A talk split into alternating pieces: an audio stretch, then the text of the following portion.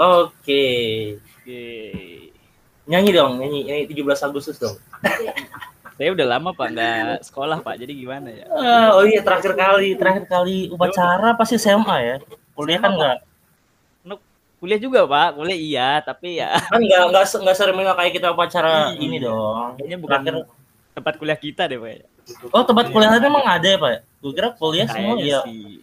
Kita emang masih agak ada. kurang nasionalis ya. Ya mungkin ini Pak, mungkin udah dianggap sebagai dewasa gitu ya kan. Iya benar. Kan ka- karena emang eh, apa nasionalisme tuh nggak harus direfleksikan dengan sesuatu yang seremonial, Pak. Waduh. Walaupun emang kadang juga dibutuhkan, tapi nggak selalu. Yang penting kan eh, tercermin di tindakannya, sikap tindakannya. Setuju Pak, emang Iya. eh, apa sih kita nih kayaknya belum mulai gitu nih. Silakan. Oke, eh apa eh, selamat datang di podcast hari libur ya. Ini tanggal berapa nih? 21 ya? 21, Pak. Agustus. Berarti udah lewat nih dari 17 Agustus, tapi Yoi. karena emang tag-nya itu di hari Sabtu, jadi ya ya udah nanti kita bahas sekitar 17 Agustusan juga. Oke, kita bahas yang masih hangat ya Pak ya karena 17 Apa Agustus tuh? itu eh, hari kemerdekaan Indonesia Pak. Betul sekali. Di mana kita ini walaupun kita berada di eh, Bapak di Colorado kan seperti Iya, yang di kita tahu, Colorado. kalau saya di San Francisco, San Francisco. tapi tetap kita ini tanah air kita memang di Indonesia Pak. Jadi Indonesia. kita Jadi- tetap merayakan. Iya, jadi walaupun eh, kita nggak berada di Indonesia, jadi tetap rasa nasionalismenya tinggi gitu ya. Harus Pak, harus. Tapi Tapi kalau di eh, Black saya darahnya merah Pak. woi, kayaknya semua kalau di Black darahnya nggak? kecuali bangsawan ya, darah biru. Darah biru. Eh, tapi sebenarnya gini kayak kalau di luar negeri itu justru rasanya gini pak, dari cerita yang gue dapat ya, jadi rasa nasionalismenya itu jadi lebih tinggi pak, karena teorinya gini, kalau kita itu jauh dari rumah kita, dari home sweet home kita, terus jadi semakin value-nya tinggi karena kita kangen pak, jadi kita Emang, eh, emang begitu Pak. Iya betul, jadi kangen segala macam Hmm. halnya, jadi eh, lebih menghargai gitu. Sama kayak misalnya kalau kita kehilangan sesuatu pak, jadi kan Nah. value jadi jauh lebih tinggi. Kadang Jauh kita baru tinggi. baru baru menghargai atau menyesal ketika itu udah hilang pak biasanya. Ya, itu kan saya teringat suatu, suatu lagu Pak tuh? The Passenger Pak. Gimana tuh pak? Penumpang ya pak? Eh, Penumpang. Ya. Jadi suatu ketika emang itu ketika ia menumpang suatu kendaraan Pak. Jadi Hmm. eh, ada apa? Ada ilham yang masuk kan ada insight untuk membuat Insight. lagu. Iya. Cuma saya eh when apa ya when you let it go atau saya lupa ya Pak ya. Intinya eh, dia juga menceritakan bahwa eh, suatu hal itu berarti ketika ia sudah pergi gitu deh, ia sudah gitu. Sama sih sama halnya ketika kita berada di luar negeri, Pak. Eh karena memang tidak dekat dengan kita, Pak. Suatu hal yang tidak dekat seperti LDR LDR gitu kan. Hmm, iya iya iya betul. harus harus di ini pak harus di eh, anggap sebagai suatu hal yang berharga karena kalau enggak ya makin pudar dan bahaya pak gitulah Jadi makanya kalau eh, kasusnya LDR tuh harusnya semakin memvalue pasangannya pak ya. iya harusnya. dong harusnya sih Jangan Tapi justru kalau- selingkuh ya. tapi kalau kita bandingkan dengan nasionalisme ya beda lah pak Beda ya, konteksnya beda ya. bisa beda Oke, Oke. eh, untuk menyambut eh, 17 Agustus kita berita kita pertamanya. mengadakan lomba Waduh, apa tuh? Tadi di briefing, di briefing nggak ada ada. itu Di iya, briefing iya. nggak ada. aduh Kenapa tiba-tiba ada lomba? Ada ya lomba. siapa tahu gitu kan eh, dari dari apa dari kementerian atau dari Oh, institusi Oh, ada ini ada- podcast. ada sponsor dari kementerian ya, Pak ya? nah iya Oke. Siapa tahu kita di 17 Agustus ini kayak kita menyuarakan Pak ya kan? Iya, betul. menyuarakan kemerdekaan. Walaupun eh, walaupun saya ada di Jakarta Selatan, saya mencoba mengutarakan nasionalisme. Kita- oh Bapak di Jakarta Selatan, Bapak. saya kira Bapak di Colorado, Pak. Kampung saya di Jakarta Selatan. Oh, jadi IP address Bapak di Jakarta Selatan kali. Tapi addressnya iya, jadi nggak tahu somehow connect ke Iya.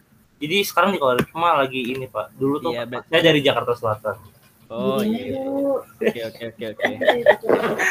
Oke, ya kita mulai dari berita mulai pertama. dulu, Pak. Yang Eh, kita mau bahas apa dulu nih Pak kira-kira eh, oh ada banyak nih. minggu ini? Eh, minggu ini kita akan banyak bahas kejadian di seperti biasanya di minggu di minggu sebelum di minggu ini ya di di akhir minggu ini gitu. Jadi kita ngerekap berita-berita di minggu ini. Di antaranya ada Hmm, ya, yang viral yang ya, Pak, ya. yang viral yang yang penting cukup cukup penting untuk kalian tahu lah biar nggak ketinggalan gitu, biar up to date. Ada apa aja nih? Kita pertama kan ngebahas tentang eh, ini Pak, eh, Bapak Presiden kita itu menggunakan baju adat Ada, dari ada suku mana Baduy. nih? Suku Baduy. Oke. Nah, itu yang cukup viral juga karena di, eh, dilihat sangat menarik gitu. Terus Iya, yang menarik, kedua, menarik. kedua ada sam- dengan masih berkaitan dengan 17 Agustus pengibaran bendera di eh, Jakarta Utara, Pak. Di Jakarta Utara. di PIK. Oh, itu. Sebenarnya- kapok ya. So, ya, sebenarnya biasa aja tapi kalau kita lihat ke dalam nanti ada hal yang menarik. Ada hal yang menarik. Nanti ada kita lagi-lagi bahas PPKM, Pak. Ini enggak selesai-selesai karena PPKM-nya juga enggak selesai-selesai. diperpanjang. Jadi mungkin kemungkinan mas sampai minggu depan kita masih bahas PPKM sebagai topik pembicaraan karena kayaknya nggak bisa habis.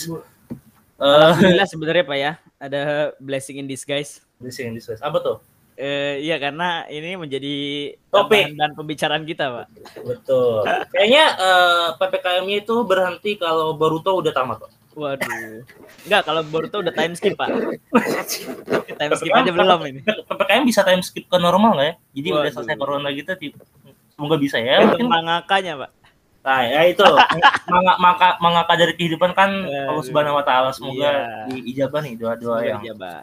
udah meminta untuk apa diringankan dan juga di segera dipulihkan. Segera dipulihkan. Ya, Oke, lanjut. selanjutnya kita bakal ngebahas oh ini karena kita itu eh, apa lulusan ekonomi. Ini ada berita ekonominya juga, Pak. Walaupun Ada. di podcast eh, minggu lalu nggak ada ekonominya kayak. Iya ya kayaknya ya. Oh ya, lupa kita ya. mencoba konsisten masukin ekonomi biar ada insight-nya juga nih. Eh, iya. kita bakal ngebahas ada eh, tentang defisit APBN Pak. Mantap. Defisit APBN terus kita akan ngebahas eh, sesuatu tentang eh, APBN juga ranahnya tapi geser ke fiskal tapi tentang suatu negara yang sedang hangat-hangatnya dibicarakan Pak. Oh, terkait dengan perdamaian dunia nih pastinya. Perdamaian dunia. Dia itu eh, negara ini tuh sering nyanyi lagu sadis Pak. Kenapa tuh? Eh, karena dia Afganisme. Waduh. Aduh, belok- belokinnya agak susah, maaf ya. Oke, lanjut. Nah, kita akan eh, Afgan So- juga masih- lulusan yang sama Pak seperti kita Oh, iya tapi betul. oh, tapi Afgan tuh tidak Sebenarnya belum lulus, Pak. ini eh, Nggak lulus. apa tidak oh, Dia belum lulus ya? dia mendeokan kampusnya, jadi dia keluar, Pak. Oh, oke oke. Dia keluar. Jadi sempat ada eh, itu, Pak, yang foto-foto dia viral, Pak, yang dia eh, foto sama seniornya, Lagi terus ospek dia ya? lagi ospek. Kat- Nah, Kalau nggak salah iya. di narasinya itu Afgan bawa apa ya, parfum atau apa gitu. Yang terus ditanya sama Oh, seniornya iya. bilang, kamu bawa parfum mau mau kuliah apa mau jadi artis lah intinya kayak gitu pak ternyata beneran jadi artis Ya, ternyata memang dia ingin eh, menjadi artis ya, Pak ya. betul mungkin eh, kalau kita berandai ini kalau dia lulus lulus eh, dari FM mungkin dia nggak jadi penyanyi sekarang Nggak jadi penyanyi, Pak. Dia nah, kira-kira ada, jadi, jadi apa kira-kira pak aku kan eh, ini Pak eh, pro player Mobile Legend Pak mungkin. kenapa itu kan nggak harus kuliah di FEU juga Iya, kan iya, tadi iya. gue berandai-andainya kalau dia Iya, kuliah iya. di FEU kenapa jadi pro player Eh, tapi emang dia pasti sukses lah, Pak. oh, Eh, tapi saya nggak tahu ya dia program studinya apa waktu itu ya. oh iya apa ya mungkin kalau kita lihat dari Eh. tampangnya dulu mungkin ilmu ekonomi pak karena pakai kacamata pak Bisa, bisa. Tapi kenapa ada akuntansik mungkin hanya Agak- antara agak agak stereotyping ya iya stereotyping Anda nih. Enggak, semuanya enggak ngaruh kacamata. Apakah Anda pakai kacamata? Tidak, juga. saya juga Betul. tidak. Iya juga ya. Kenapa pakai stereotip yang tidak dekat Iya. dengan diri sendiri? Oke, Oke, lanjut kita ada IPO Bukalapak, Pak. mantap. Wah, Ada ini- public offering ya. Initial public offering ini hangat-hangatnya, Pak. Walaupun Masih sekarang hangat, udah udah mulai kurang hangat tapi pas itu masih hangat-hangatnya, Pak. Ya, jadi karena Jadi kita bahas kenapa kenapa sekarang udah nggak ini- terlalu hangat. harusnya Iya. kita bahas nih di minggu lalu yang nggak ada topik ekonominya, Pak. Iya betul. Sekarang agak banyak ya. Sekarang agak berat, tapi nggak apa-apa karena memang eh, mengisi kerinduan teman-teman yang mungkin ingin topik ekonomi diperbanyak. Oke, betul. Nah, eh, ini kan kita udah berat tuh defisit APBN, eh, ada fiskal, ada IPO. Sekarang kita ada ngebahas yang berat juga tapi lebih ringan. Berat tapi lebih ringan. Waduh. Kita akan membahas Beda masa jenis kayaknya nih. beda masa jenis. Ini lebih ringan. Aduh, anak IPA yang relate-nya anak IPA doang kayaknya. Jadi, ini ngebahas tentang pajak, Pak. Tapi pajaknya itu tentang sesuatu yang viral di masyarakat, Pak. Iya. Eh, yang sedang Apa viral tuh, ya, Pak ya. Iya, apa tuh, Pak? Kita bahas Jadi, pajak eh, apa nih, Pak? Pajak eh, ini Pak, yang kita akan bahas apakah eh, mahar itu dipajak atau tidak karena menang, apa, Hmm. mengacu pada peristiwa pernikahan eh, Lesti dan Bilar ya, Pak? Betul ya? Ya. Iya betul. Nah ini Karena saya Ini sangat- terlalu ini sangat fenomenal ya. Jadi Ya, ya mungkin nanti kita juga kita juga bahas eh, dari segi eh, exposure-nya nih. Ya exposure Pernikahan-pernikahan dari selebriti itu selalu mengundang eh, ini ya apa ketertarikan tersendiri gitu kepada eh, sejumlah bag- sebagian besar masyarakat ini. Betul. Nah lanjutnya ini kalau di subtopik kita subtopiknya kan tadi ada eh, kemerdekaan, ada eh, ekonomi. Ini subtopiknya adalah random, Pak. Random.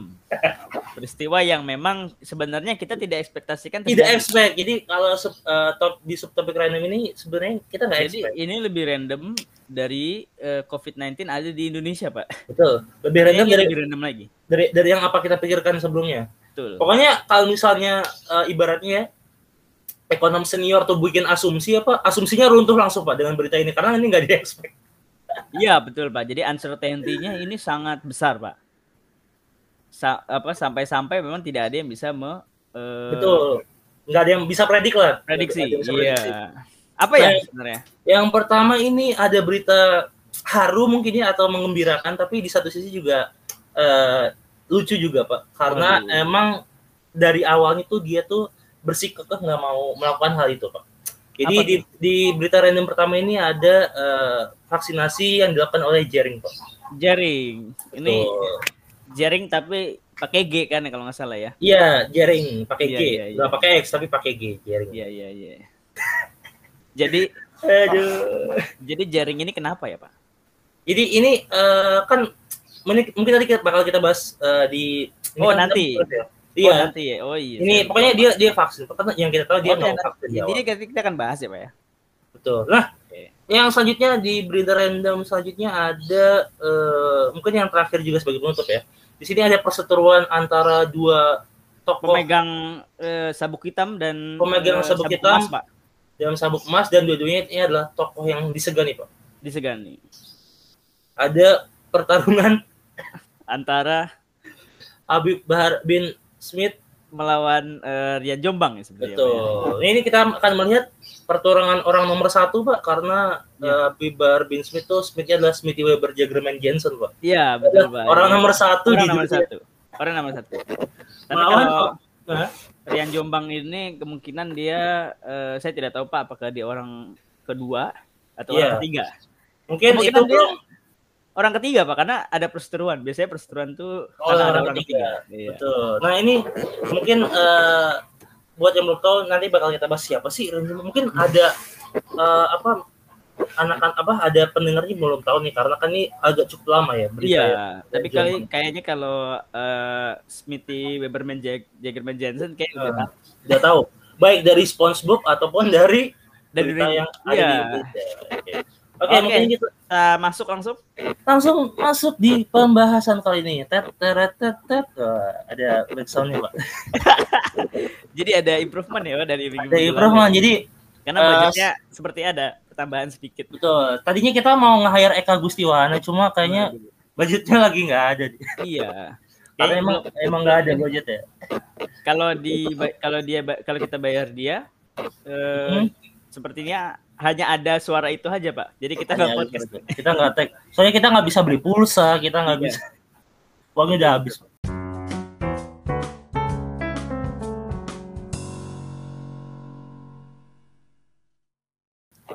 Oke, mulai dari yang pertama ya. Eh, ini jadi eh, menurut kompas.com nih langsung berita pertama ya. eh, Presiden Joko Widodo menggunakan pakaian dari suku Baduy saat menghadiri sidang tahunan MPR RI pada 16 Agustus 2021. Jokowi mengenakan satu set pakaian suku asal Banten tersebut, mulai dari lomar atau ikat kepala, baju tradisional warna hitam, dan tas koja. Oh. Ini jadi eh, satu bahasan yang menarik juga, Pak. mungkin Jadi, kalau saya tanya pak Ya. ini eh, nyewanya di mana ya pak ya eh, biasanya di kalau saya dulu kalau 17-an atau hari Kartini nyewanya di salon-salon, Pak, di butik salon biasanya. Nah, Itu ini- per harinya 100 ribu biasanya. nah ini yang menarik nih Nyewa di mana? Beliau melakukan hal yang seperti itu ya kan? Atau memang apa- sudah ada gitu kan? Enggak lah, kalau kita dulu kan biasanya dalam tanda kutip terpaksa mengikuti hal itu biasanya kita sewa seadanya terus kita dibedakin kiri kanan ditiup gitu udah selesai kan pak. Tapi sekelas presiden kan Iya. nggak mungkin kayak gitu. Pasti dipersiapkan pak. Di riset dulu segala macam ya kan? Nah, Oke, oke. makanya berbicara Sekarang sudah tentang- lebih memahami lah. betul. Jadi yang pertama tuh yang diperdebatkan adalah ini pak Eh, jadi kan dalam konteks ini Pak Joko tuh menggunakan eh, baju adat pak ya? Nah eh, jadi ada ini ada ya ya apa netizen itu memperdebatkan hal ini pak.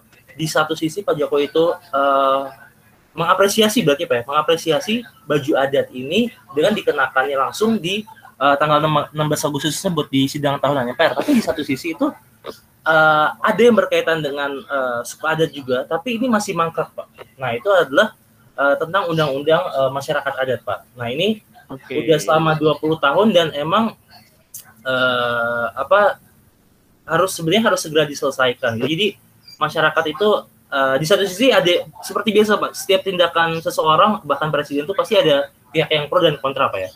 Jadi mungkin eh, ada kemungkinan juga eh, sedang dibahas. Jadi kalau dalam kasusnya itu tentang masyarakat adat ini itu sebenarnya Pak Presiden tuh udah meminta eh, terhadap eh, bawahannya itu untuk meminta DIM Pak atau daftar daftar inventarisasi masalah. Mm-mm, Oke. Nah itu udah udah diminta cuma itu satu satu progres satu step awal yang bagus cuma sampai sekarang tuh belum ditindaklanjuti lagi Pak. Makanya eh, ada masyarakat juga yang eh, apa membahas atau memprotes hal itu di satu sisi dia eh, Pak Jokowi itu menghargai dan mengapresiasi baju adat dengan dikenakan tapi di satu sisi eh, progres yang awalnya udah bagus dengan DIM itu masih belum selesai juga Pak atau masih belum ada follow up-nya gitu. Oke, jadi memang eh, apa jangan sampai hanya simbolik ya Pak ya. Iya betul. Ada substansi-substansi yang bisa diperbaiki dan diurus gitu kan ya. Betul. Ya, eh, itu langkah awal yang baik, tapi pasti kita semua berharap itu juga diperhatikan karena kan gini Pak, masyarakat adat itu kan adalah or, bahkan orang-orang yang sebelum Indonesia itu merdeka udah ada Pak. Mm-mm. Jadi Iya, iya. Kan, kan biasanya kayak kita kan ya contoh gampangnya tuh tentang administrasi tentang sertifikat tanah Pak. Jadi kan selama ini pasti ada per, eh, konflik tentang sertifikat tanah ketika negara itu sudah terbangun terbentuk. Nah di situ kan ada warga-warga yang udah lama dari dulu menempati eh, eh, apa namanya menempati Eh, tanah tersebut. Turun ya Pak ya. Turun temurun. Jadi eh, kenapa ini harus segera diurus ya? Karena untuk menyelesaikan konflik itu Pak nanti pada akhirnya kalau mereka yang udah lama terbentuk kan pasti mereka nggak punya sertifikat dong dari dulu. Soalnya kan dulu belum ada administrasi administrasi negara kan. Iya. Iya, Nah, se- sementara di eh, setelah negara terbentuk tuh ada sertifikatnya dan ada pengelolaan tanah yang mungkin saja mengharuskan menggunakan lahan tersebut. Jadi gitu. Jadi kenapa harus diurus ya kayak gitu, Pak? Kayak ya misalnya kalau eh, makanya kan banyak konflik-konflik di daerah itu yang di mana masyarakat adatnya itu emang kan mereka keep nggak mau berbaur dengan luar karena mereka menjaga hal itu kan Iya, iya. iya. maka eh, kalau nggak salah ini pernah disebutin juga deh pak jadi di eh, di suku Badunya atau di Badunya itu emang nggak nggak ada yang terkena covid pak Iya, ya ada ada suatu media yang eh, memberitakan demikian ya. Ya karena ya itu karena di eh, di mereka mengisolasi sendiri dari dulu sementara negara ini eh, negara kita tuh eh, mungkin langkah isolasi terhadap negaranya tuh kurang cepat tapi itu dia mengklaim eh, ada daerah yang bagus gitu Iya. tentang covid jadi ya ini jadi refleksi juga sih pak jadi harus ya, Ya, bisa eh, betul Pak. Dan ini mengingat kita masih di situasi kemerdekaan ya Pak ya. ya, Bahwa eh, memang kita patut apresiasi juga Pak Jokowi bahwa eh, mengenakan baju tersebut itu Mm, betul bisa eh, apa memberikan anggapan bahwa memang Ba- suku Baduy ini diakui dan juga dihormati Pak. Betul. Kalau nggak salah ini juga Pak apa eh, biasanya tuh kan kalau ada promosi pasti ada ini apa ya, ada kenaikan dari segi apa pun baik dari eh, segi insight baik dari penjualan segala Ya. macam tuh Ya. eh, ada berita juga yang menyatakan tuh ada apa ya se- selain itu semakin terkenal ada juga kenaikan dari eh, pembelian UMKM di situ Pak baik dari eh, apa namanya dari produksi di dari badunya itu sendiri ataupun dari luar yang memproduksi terkait hal tersebut gitu Pak. Betul. Ya, dan juga jangan lupa walaupun tadi disebutkan bahwa suku Baduy ini itu uh, apa bebas dari covid atau ataupun tidak gitu ya ada kemungkinan bebas dan sebagainya tapi jangan lupa bahwa di situasi pandemi seperti ini juga jangan sampai dia tidak di uh, dipikirkan juga pak. Ya betul. Jangan jadi tidak diperhatikan. Hmm, jadi approach ini harus sangat sangat besar ya dari pemerintah. Karena ya. itu tadi uh, karena mereka di satu sisi itu uh, apa tidak mau berinteraksi quote unquote dengan uh, apa luar ya dengan uh, ya, yang ya. selain mereka gitu. Jadi approach harus jadi kita harus beri semangat untuk pemerintah juga nih Pak biar betul melaksanakan uh, segala hal yang sudah diatur sebelumnya. Iya, bisa merealisasikan segala hal yang sudah direncanakan lah dengan baik gitu ya. Oke. Ya, ya terus Pak, uh, mungkin di satu sisi ini uh, kalau nggak salah nih dari dari di, di tanggal itu ya Pak, dari Pak Jokowi itu uh, dibut, dibutuhkan ini Pak. Jadi kan biasanya kalau pemerintahan atau siapa pun itu kan biasanya harus mengutarakan sesuatu yang terjadi uh, di recent condition ya Pak ya.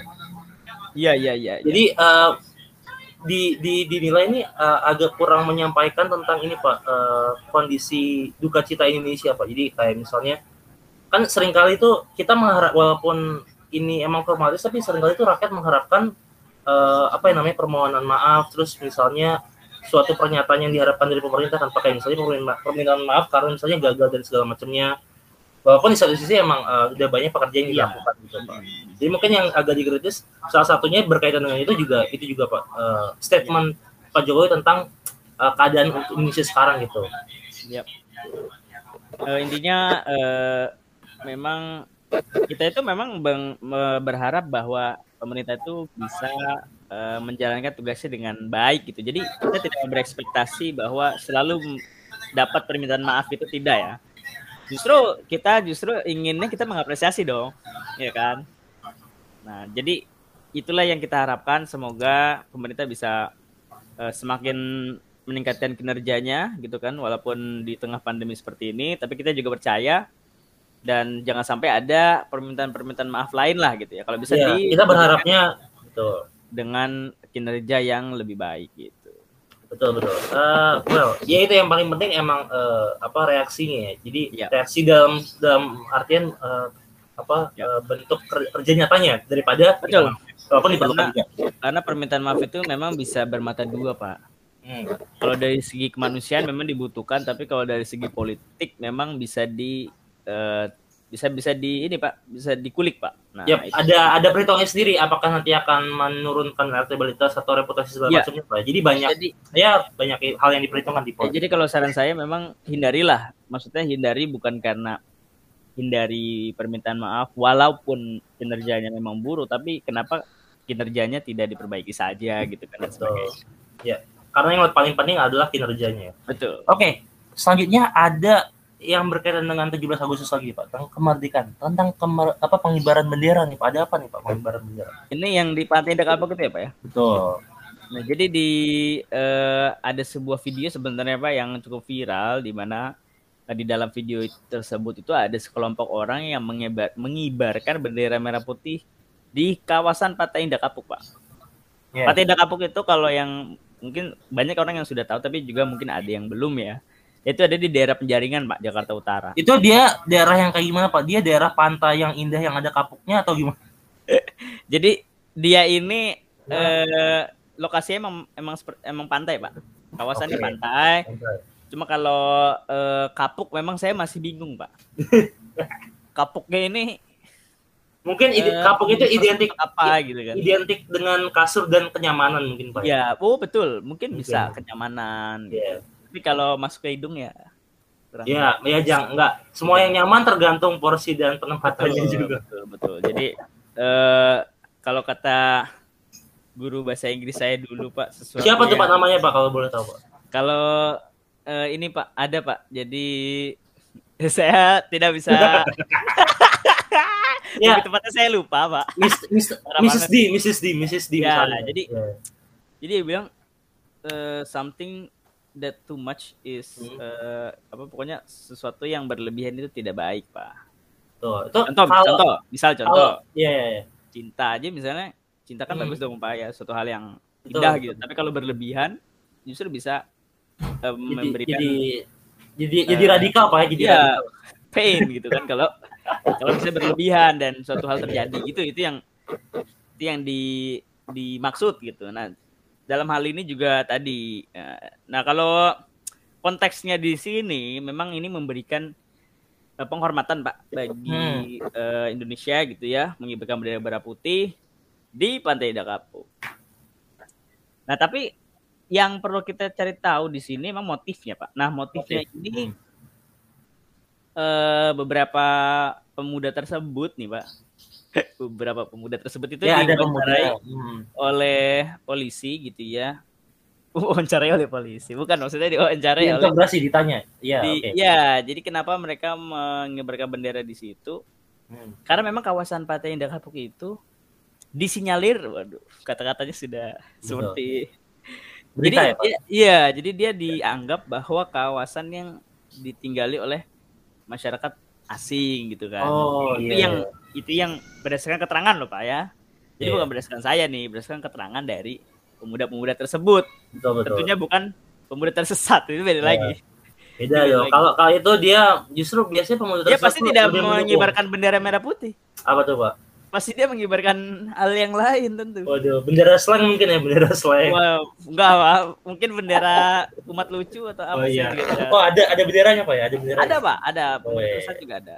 Nah, jadi balik lagi nih, Pak. Jadi eh apa namanya kalau kita melihat sendiri kawasan Pantai Indah Kapuk memang dibangun eh, tidak ada aturan yang eh, membatasi Pak ya yang bisa mengakses itu siapa pun bisa loh. Tapi memang uh, untuk harganya memang cukup uh, fantastis pak. Jadi oh. itulah yang me, apa yang mengakibatkan hanya golongan-golongan tertentu yang bisa mengakses gitu. Uh, apa namanya dibatasi oleh harga pak? Betul pak. Jadi secara tidak langsung. Ada ada ada price discrimination. I, uh, sebetulnya di sini lebih ke apa ya? tapi bukan bukan ruang publiknya tapi dalam artian uh, apa ininya apa uh, huniannya pak ya untuk hunian pak huniannya bukan bukan bukan tempatnya harus ba masuk bayar enggak tapi enggak uh, harga residensinya perumahannya iya, ya, betul. cukup mahal dan sebenarnya juga uh, enggak karena di situ doang di daerah-daerah elit dan daerah-daerah yang strategis ya ma emang mahal gitu seperti itu harus di situ aja iya itulah yang disinyalir waduh balik lagi yeah. oleh pemuda-pemuda ini sebagai uh, kawasan non non apa uh, kawasan asing gitu. Iya, terus mereka berusaha itu. itu mereka berusaha seperti mengibarkan bendera kemerdekaan pak gitu bahwa nah, ini iya. tanah mas, uh, masih milik Indonesia dan masalahnya ya. memang ada uh, larangan pak dari kepolisian hmm? uh, untuk mengibarkan bendera tersebut jadi dilarang. Nah alasan dari kepolisian adalah untuk menghindari kerumunan pak. Oke. Okay. Gimana nih menurut Bapak nih? Oke. Okay. Nah, ini sebenarnya uh, gue agak kurang tahu jumlahnya dan segala macam ya. Mungkin kalau dia ada ratusan orang mungkin itu akan menyebabkan kerumunan ya. Tapi kalau misalnya nggak terlalu dan gue nggak tahu nih kan uh, pernah nih Pak uh, mahasiswa itu kan pernah melakukan demo ya di beberapa bulan lalu ya. Dan hmm. itu dia ya nggak cuma mahasiswa, ada uh, NGO atau uh, beberapa instansi eh beberapa lembaga juga bikin tapi dia itu ada sekat-sekatan juga pak jadi dijarakin juga nah mungkin yang miss dari pemuda ini ya itu dia beneran uh, bergerombol gitu nggak dia nggak ngasih jarak atau semacamnya gitu pak mungkin ya jadi okay. sebenarnya kalau misalnya dibuat berjarak tuh bisa juga tapi balik lagi uh, dari kepolisian juga mungkin harus punya interpretasi yang sama nih pak dalam hal kan kerumunan ini abstrak ya dan sangat-sangat apa ya subjektif. uh, multi multi interpretasi ya. Jadi yeah uh, segini kerumunan ya tergantung lingkupnya tergantung jaraknya dan segala macam. Jadi ini diminta untuk kedua belah pihak juga saling memahami sebenarnya. Saling harus uh, wise ya harus berkepala dalam menyikapi segala hal tentunya Betul. kita menyambut baik maksud dari pemuda-pemuda ini gitu. ya sangat kita mendukung untuk uh, apalagi kan ini namanya juga pemuda ya, ya Pak namanya Kenapa? juga pemuda kalau, udah tua udah sudah mungkin sudah wise Udah wise. Muda ya. mungkin memang masih meraba-raba nih. Betul. Tapi betul, betul. Eh, kalau kita lihat Pak, mengibarkan bendera merah putih di suatu kawasan Pantai Indah Kapuk itu masih apa ya reasonable pak dibanding ada juga pak berita di mana so, uh, sekelompok pemuda gunung mbak jadi suatu puncak gunung di Indonesia saya lupa oh mengibarkan di puncak gunung ya. bahkan terdapat korban Iya, iya. akibat peristiwa tersebut. Iya, Beb. Jadi sekitar dua orang korban yang eh, yang hipotermia pak karena usaha untuk mengibarkan bendera putih di puncak. Oh, oke oke. Iya jadi tadi selain eh, mungkin kita bisa langsung aja pak lanjut kali ya pak ya. Tadi tadi ada ada trouble jadi oke Eh, kita Tadi kita tadi ini Pak kan eh, Tadi kita momentumnya tentang eh, pengibaran bendera Pak. Jadi ada berita juga eh, berita eh, berarti berita duka Pak ya yang di gunung itu ya. Iya berita duka betul. Iya. Padahal 17 Agustus harusnya kita merdeka pak. Sukacita ya. Harusnya eh, berita yang baik gitu kan. Berduka, bersuka cita tapi justru malah ada berita duka. Iya. Nah ini yang disayangkan tadi. Ya semoga Nah eh, tapi eh, selanjutnya kita eh, terkait dengan eh, alasan mengapa aparat itu melarang pak pengibaran bendera kenapa tuh, Pak? itu adalah Kenapa? karena memang masih ppkm pak. Iya iya. karena masih ppkm kita masih diharuskan memang berada di rumah gitu kan dan membatasi eh, apa pergerakan dan juga mobilitas eh, masyarakat gitu. Betul betul. Nah, eh, untuk Jadi itulah yang poin disayangkan. ya untuk poin yang apa untuk di rumah saya setuju Pak. Tapi ada juga nih Pak video yang beredar apa. Jadi kan eh, ini sebenarnya hal yang wajar ya sebelum pandemi. Jadi misalnya nih kita ada di kereta itu tiba-tiba di keretanya itu di, di setel lagu eh, Indonesia Raya kita hormat dulu gitu kan Pak biasanya ada. Terus juga eh, kalau misalnya kita lagi di perempatan Hmm. besar gitu biasanya ada tiba-tiba ya ada polisi terus dia seremonial membawa bendera dan kita berhenti sejenak untuk eh, hormat pada bendera Pak ya. Nah, eh, nah terus ada yang lucu nih Pak. Jadi kan itu eh, banyak kerumunan sepeda motor akhirnya terpaksa berhenti walaupun itu mungkin eh, udah bisa jalan atau gimana. Jadi ada yang nyeletuk ini Pak. Eh, katanya PPKM tapi kok malah diberhentiin jadi kan jadi berkerumun banyak gitu gitu Pak gitu. Walaupun kalau nggak ada itu kalau pas lampu merah juga berkerumun ya. Oh, sebenarnya. Jadi mungkin ya itu sebenarnya berkerumun juga walaupun nggak ada Iya. seremonial itu. Ya tapi poinnya adalah gue pengen eh, ya baik yang polisi lakukan itu secara in, by intention mereka ataupun yang mereka by intention untuk eh, membubarkan itu mereka punya sudut pandang yang sama, punya eh, patokan yang sama pak. Jadi emang jelas gitu untuk menghindari kerumunan. Terus yang kedua ya eh, eh, ini terutama untuk yang apa namanya yang tadi diberhentikan untuk upacara apa seremonial untuk menghormati Indonesia ini ya Pak. Jadi mau bagaimanapun eh, keadaan Indonesia, mau bagaimanapun pemerintahannya, kita tuh harus tetap menghargai bangsa kita, Pak. menghargai bangsa Betul, Indonesia. betul. Walaupun kita tahu eh, ya walaupun emang rata-rata ini di seluruh dunia itu pemerintahan itu turun ya kinerjanya, jadi trust terhadap pemerintahnya turun. Ya walaupun terlepas dari itu kita tetap harus tetap menghormati eh, Indonesia, Pak. Kita harus menghormati gitu. Iya. Walaupun sebagaimanapun kinerja pemerintah mungkin masih buruk atau gimana gitu. Ya, karena memang secara konstitusi masih ada waktu ya, Pak ya, sampai 2024 ya. Ya. Yang harus kita pahami. We hope it getting better ya. Semoga semakin membaik, semakin membaik. Baik dari kondisi ekonomi, kesehatan, keseluruhan. Oke, eh apa lagi nih Pak? Mungkin eh ah, kita move ke topik selanjutnya atau gimana? Oke, Eh, nah selanjutnya gimana? kita selanjutnya kita bakal bahas apa nih? Tadi kan udah tentang pengibaran bendera. Apa lagi nih yang hangat di bulan Agustus ini soal? Eh, mungkin ya eh, tadi Pak masih terkait eh, PPKM mungkin. Oh. PPKM ya, PPKM betul betul. Ada apa nih? Bahwa PPKM itu diperpanjang sampai tanggal 23 Agustus, Pak. Oh, perpanjang sampai Kembali. 23 Agustus. Betul. Ya, kembali diperpanjang satu minggu satu minggu seperti itu sampai 23 Agustus. Jadi sebenarnya eh, kan kayaknya banyak yang udah memprediksi ya Pak bakal diperpanjang lagi ya Pak karena kan ada momentum 17 Agustus yang kemungkinan menjadi dasar pertimbangan bahwa kalau 17 Agustus itu eh, nggak diperpanjang mungkin kerumunannya akan lebih besar Pak ya. Itu Iya, masih Betul. Jadi eh, kita sebenarnya eh, sudah harus seharusnya ya kalau yang memang eh, rasional dan memang sudah eh, sudah memperhatikan dengan baik atau menganalisis seharusnya bisa diekspektasikan, Pak. Karena eh, selalu mem- pemerintah itu memang menghindari kerumunan khususnya di hari libur, Pak. Betul. Jadi oleh sebab itu memang PPKM diperpanjang, Pak. Namun nih ada ada yang perlu diperhatikan bahwa sekarang ini ada beberapa kelonggaran. Hmm. Di antaranya kalau ke mall Pak ya, ke uh, apa namanya? Pusat uh, perbelanjaan. Pusat, pusat perbelanjaan dan lain-lain memang memang ada prasyarat Pak ya itu adalah khususnya mungkin di DKI Jakarta ya Pak ya. Kalau di tempat lain mungkin saya masih belum uh, apa uh, paham dengan detail tapi kalau di DKI Jakarta memang mengharuskan ada sertifikat vaksin itu yang yep. pertama. Yep. Namun kalau memang uh, ada karena kalaupun sudah ada sertifikat vaksin sudah boleh uh, makan ataupun din in ketika dine makan. In. Betul, yeah. betul. Tapi dengan catatan bahwa satu meja hanya untuk dua orang. Ya, tetap uh, protokolnya ketat ya Pak. Ya. Walaupun oh, udah ada kelonggaran, udah bisa masuk nih. Betul Dan, Pak.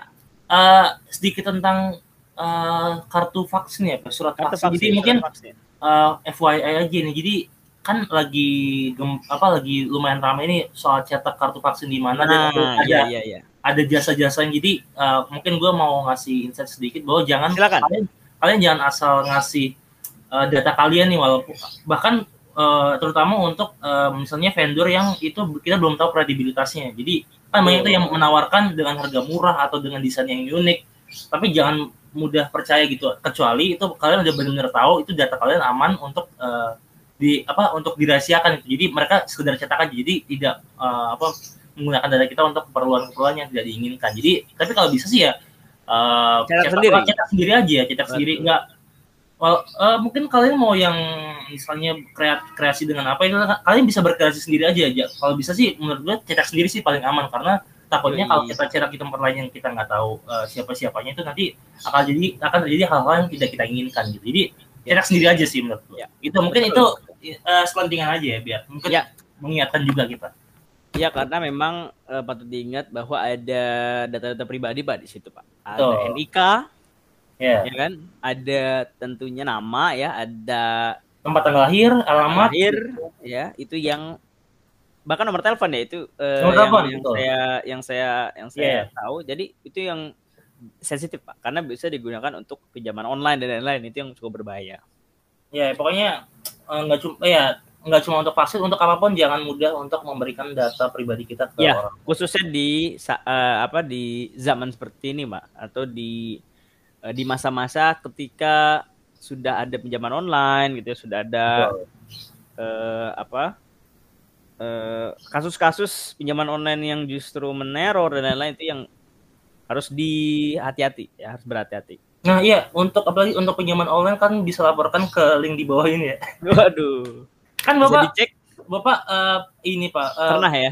Di, uh, kurang lebih tahu tentang ojek kan? kan tahu pak. Kanal pelaporannya pak ya, jadi mungkin bisa Ada, langsung iya. search saja dari keywordnya itu pelaporan pinjol ojek kan ya. mungkin keluar langsung gitu. Ya, jadi memang eh. harus hati-hati. Gitu. Ya, pokoknya uh, poinnya adalah biasanya kalau pinjaman online tuh online itu kan kalau misalnya dia berdasarkan uh, peraturan OJK tuh harus ada persetujuan dua uh, dua stakeholdernya, dua sisi dari peminjam maupun yang uh, yang dipinjami pak ya. Jadi pinjaman. kalau kalian nggak pernah merasa menyetujui atau kalian tidak pernah merasa uh, menandatangani kontrak atau apa pun, jangan takut, laporin jangan aja. Takut. Harus lapor, harus Betul. wajib pak.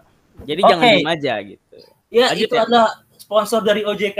Iya, jadi memang harus apa ya disebut uh, sebagai uh, bijak dalam iya. mengelola yeah. data pribadi asli. Karena orang bijak juga taat pajak, kita harus bayar pajak. Waduh. Berarti ada dua nih sponsor kita hari ini dari Dirjen ya kan perpajakan perpajakan sama satu lagi OJK. Dari OJK. Terima kasih sponsor ya Terima tinggal kasih. mengirimkan uh, yang mengirim telah mengirimkan nasi kotak dan Waduh. sayur mayur. Waduh. Ya kalau okay. ada, ada kementerian lain yang mau masuk silakan. Tuh, nanti juga kalau tergantung ya kalau semakin banyak dikasihnya kita sejam ngomongin instansi kalian oh, kita, langsung. kita kita, kita paham lah. paham lah ngerti lah kita paham. bagaimana birokrasinya ya kan bagaimana uh, laporannya dan lain-lain gitu paham lah Betul. kita akan meng-highlight poin-poin yang ingin di-highlight ya. yo Oke, okay. nah kan tadi ada PPKM ya kan ada yang diturunin, ada yang dari turun ya dari level 4 ke level 3 ya kan. Terus uh, ya segala macam. Jadi ada kelonggaran nih karena emang dari trennya nih uh, apa kita cukup bersyukur dari trennya ya. Iya. Uh, mulai menurun nih dari trennya. Nah terus tadi kan apa nih udah expect ada perpanjangan tapi terlepas dari itu ya pak ya. Uh, kan gini kan kita pernah belajar nih ilmu statistik pak ya. Jadi kan ada namanya itu kita bisa menganalisa tren juga kita bisa uh, melihat apa uh, di masa depan tuh dengan forecasting pak. Ya. Jadi sebenarnya yang agak disesalkan oleh beberapa netizen itu mungkin ini Pak, kenapa harus semendadak itu ngumuminnya Pak? Kenapa harus Amin satu di eh, di malam hari gitu kan sedangkan kan untuk kita bekerja di keesokan hari kan butuh persiapan ya Pak. Betul. Baik dari uh, karyawan maupun dari employernya, dari pihak uh, perusahaannya. Iya. Karena kan dulu juga tuh saya masih ingat di Jakarta itu pernah mau ada apakah lanjut PSBB atau enggak itu kan ditetapkannya itu di hari Jumat karena biar ada di hari Sabtu tuh ada persiapan untuk untuk closing, untuk Ya. pergantian uh, apa namanya shift kerja dan segala macamnya biar ada persiapan. Nah ini terlalu mepet karena karena ya itu tadi karena kan sebelumnya udah pernah ada contoh dibuat tuh nggak mepet jadi ada persiapan dulu apakah perpanjangan atau enggak jadi kita ada persiapan gitu Iya betul. Jadi kalau kita mengingat Pak, walaupun eh, memang ini tidak bisa dikompar secara langsung, tapi Iya, setiap betul. peraturan itu ada jeda waktu untuk sosialisasi dan lain-lain Pak. Yap, betul Jadi misalnya kita kalau boleh contoh ya untuk peraturan-peraturan terkait keuangan negara aja, misalnya itu ditetapkannya itu eh, apa namanya tahun sebelumnya Pak. Jadi Iya, jadi dijalankan di tahun setelahnya. Itu contoh ada nih, contoh. itu uh, space untuk sosialisasi ya, Ya, dan juga memang eh, berlakunya memang di tahun yang akan datang itu memang Betul, sudah betul. seperti demikian. Nah, kalau dalam hal ini oke lah misalnya eh, pernah dilakukan seperti itu, bisa sosialisasi memang sudah pernah dilaksanakan. Jadi eh, memang kalau kita tahu Pak eh, untuk eh, protokol kesehatan memang sosialisasinya sudah pernah dilakukan memang.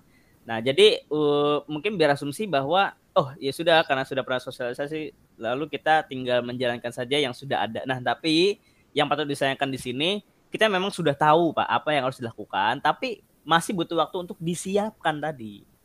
Jadi bukan Iya, hanya iya. memang untuk tahu ataupun tidak tahu, tapi eh, siap atau tidak siap gitu loh Pak dari dari segi baik dari segi eh, apa dari segi dokumen maupun memang dari dari segi eh, apa eh, perilaku Pak itu tadi. Iya, iya benar-benar. Ya jadi itu yang disayangkan apalagi kalau kita pakai uh, forecasting ya. Forecasting kan bahkan sebelum-sebelumnya tuh uh, udah bisa dilihat ya Pak. Jadi Iya. mungkin uh, ini untuk saran aja bisa diperbaiki lagi atau mungkin bisa ya itu ya ini untuk kepentingan bersama juga untuk persiapan segala macamnya. Ya, Sebenarnya kan kalau secara logis tuh bisa diumumkan hamin berapa mungkin ya nggak harus tapi memang kalau boleh Pak kalau kita boleh berpositif Hmm. thinking Pak ya. ya ya Kemungkinan nih pemerintah nih pekerja keras Pak. oh Ya, jadi karena ya malam aja masih kerja. betul dan Karena sering ngomong- sering terjadi gitu pak ya karena ngumuminnya malam Pak. Harusnya Ya. harusnya ngumuminnya hari kerja ya kan. Malam tinggal istirahat.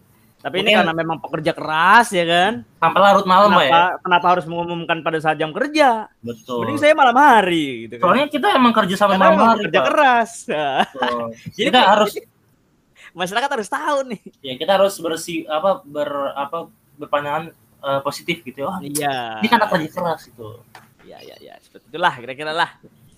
Nah, tapi eh, apalagi nih kira kira-kira yang perlu kita eh, bahas, Pak?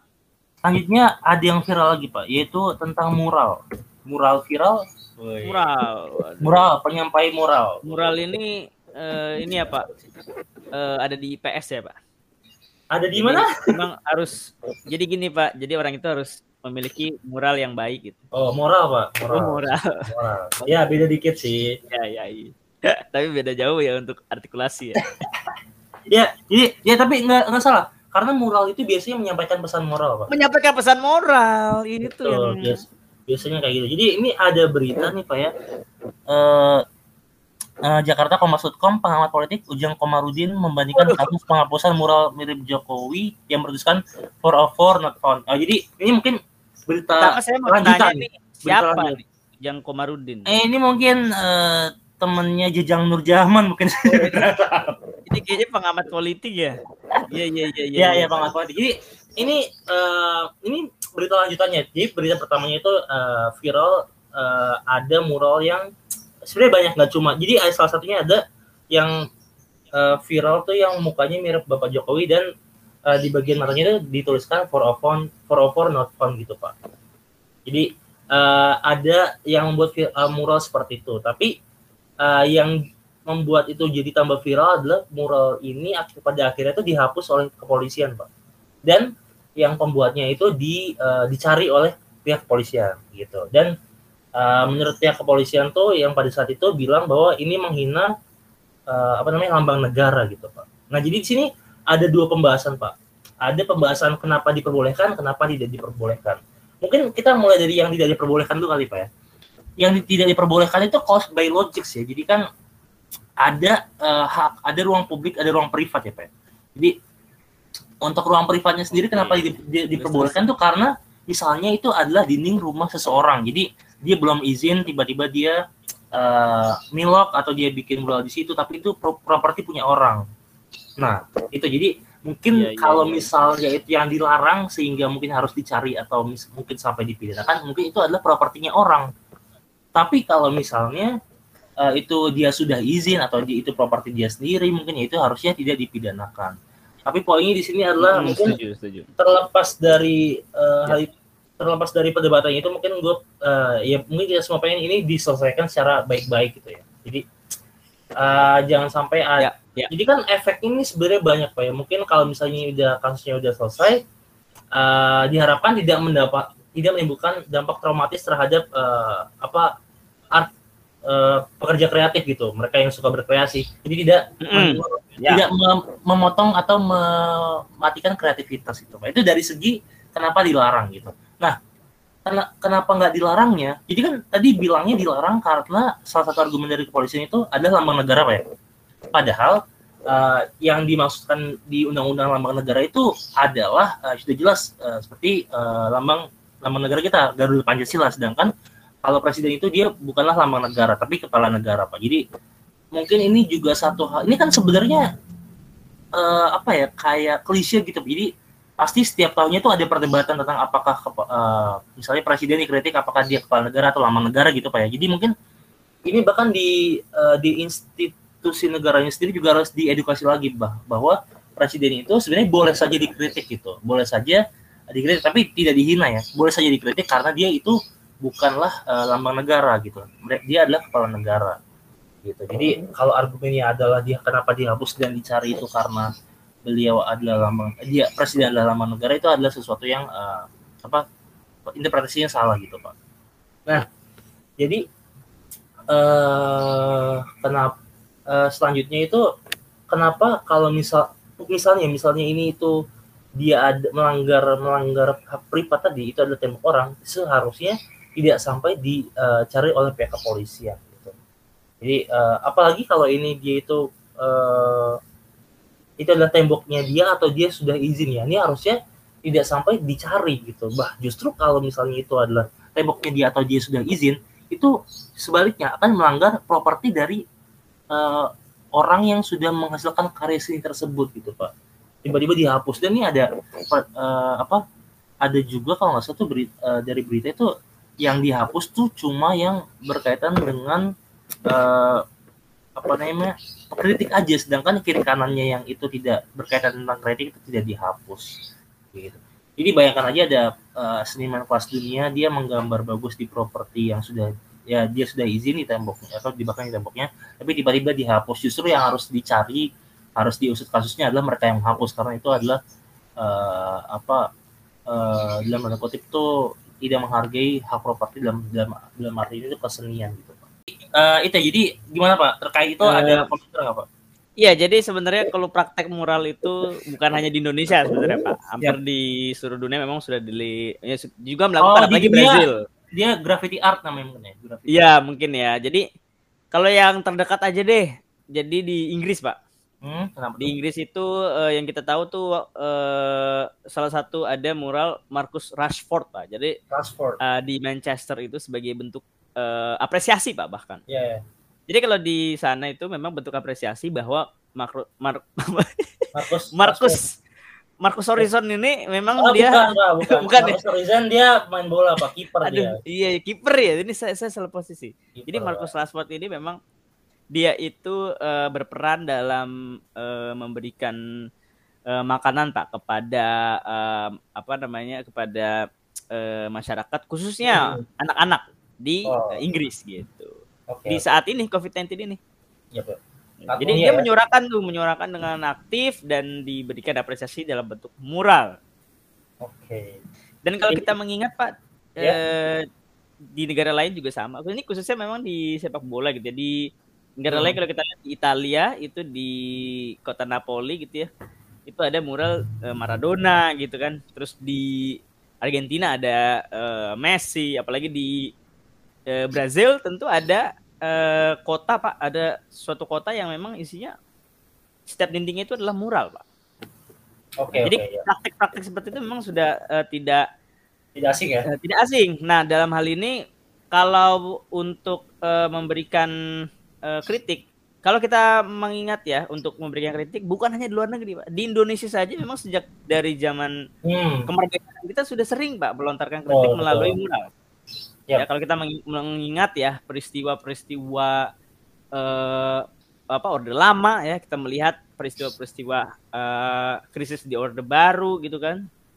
Dan juga peristiwa-peristiwa bahkan uh, pada zaman presiden sebelumnya juga memang sering ada kritisi yang dalam bentuk mural Yeah, yeah. Gitu. Jadi kalau saya melihat ini memang seharusnya uh, harus dipahami dengan sudut pandang yang bukan hanya uh, hukum saja gitu. Jadi juga harus kita melihat. Yang pertama kalau kita lihat hukum oke. Okay. Misalnya ini ilegal dalam hal hukum. Oke, okay, memang ilegal. Nah, tapi kalau kita melihat dalam sudut pandang lain itu sudut pandang kemanusiaan dan lain-lain, ini patut dipelajari Pak. Jadi ada suara-suara yang memang yang tidak akan ada apabila memang sudah sejahtera Pak Iya betul betul. Gitu. Jadi Uh, jadi yang, yang yang ini pak, bentar, yang lucu itu jadi kan uh, salah satunya ada uh, selain mural yang cover tadi, jadi ada hmm. mural yang uh, bertuliskan Tuhan aku lapar gitu.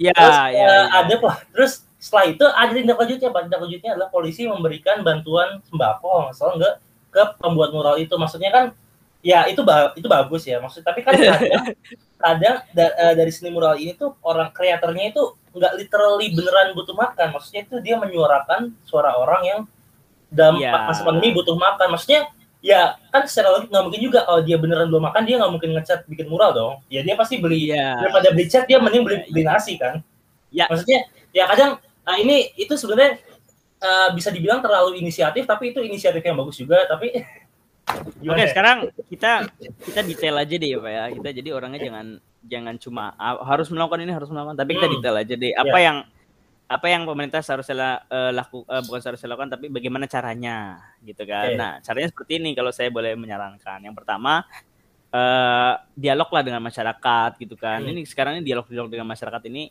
kurang, Pak, karena memang yeah. uh, di mungkin yang pertama mungkin sudah ada bantuan banyak bantuan jadi dia dianggap itu sudah cukup gitu yeah. yang pertama. Tapi ternyata suara-suara masih justru membludak pak. Yeah. Bahkan yang baru-baru ini uh, adalah terkait dengan yang sudah pernah kita bahas beberapa minggu lalu itu terkait baliho gitu ya itu juga menjadi yeah. Iya.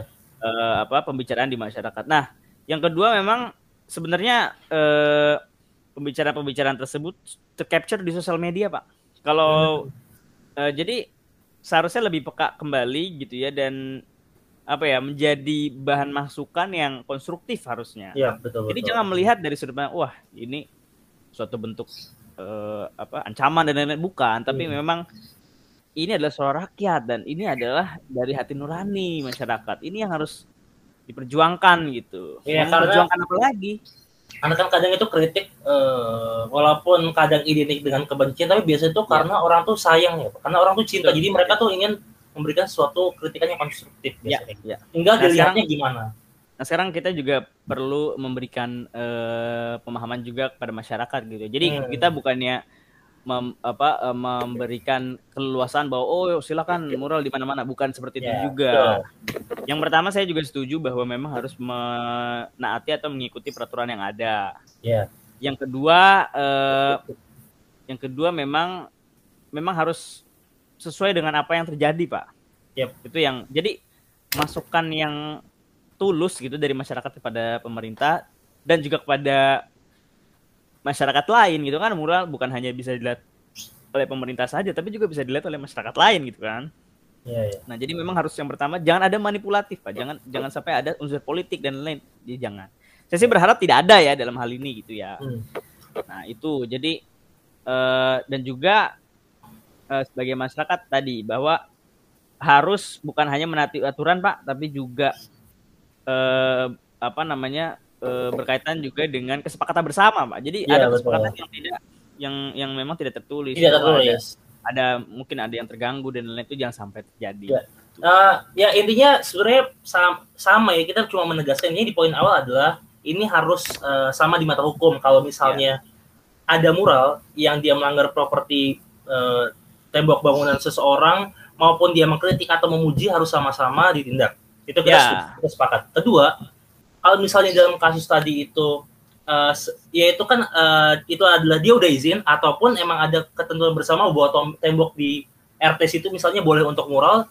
Ah, berarti kalau misalnya itu sebenarnya diperbolehkan tapi polisi justru menghapus, justru yang harus ditindaklanjut adalah uh, yang harus dicari tahu adalah polisinya. Kenapa serta merta dihapus? Karena kan itu karya seni. Karya seni itu mempunyai nilai sebenarnya kan. Iya, iya. Nah, itu makanya uh, dan polisi juga sebenarnya harus lebih berhati-hati since mereka juga kemarin itu argumennya salah karena mereka menganggap bahwa presiden adalah uh, lambang negara padahal bukan lambang negara gitu ya. Jadi yeah. boleh, boleh dikritik dalam ya moral dan segala macamnya. Tapi ini harus sepakat bersama. Jadi yang ya semu semuanya baik warga jangan gegabah untuk um, misalnya bikin mural sembarangan dan polisi juga nggak boleh sembarangan harus cari tahu dulu apakah itu uh, beneran. Ya. Apa terkait terkait hukum itu bagaimana dalam sisi moralnya juga. Ya. dan ya. yang ketiga ya itu tadi kita harus sama-sama apa ya uh, dalam pandemi ini harus aware juga gitu. Nggak cuma ngeliat dari segi hukumnya tapi dari segi moralnya gitu ya. Moral betul.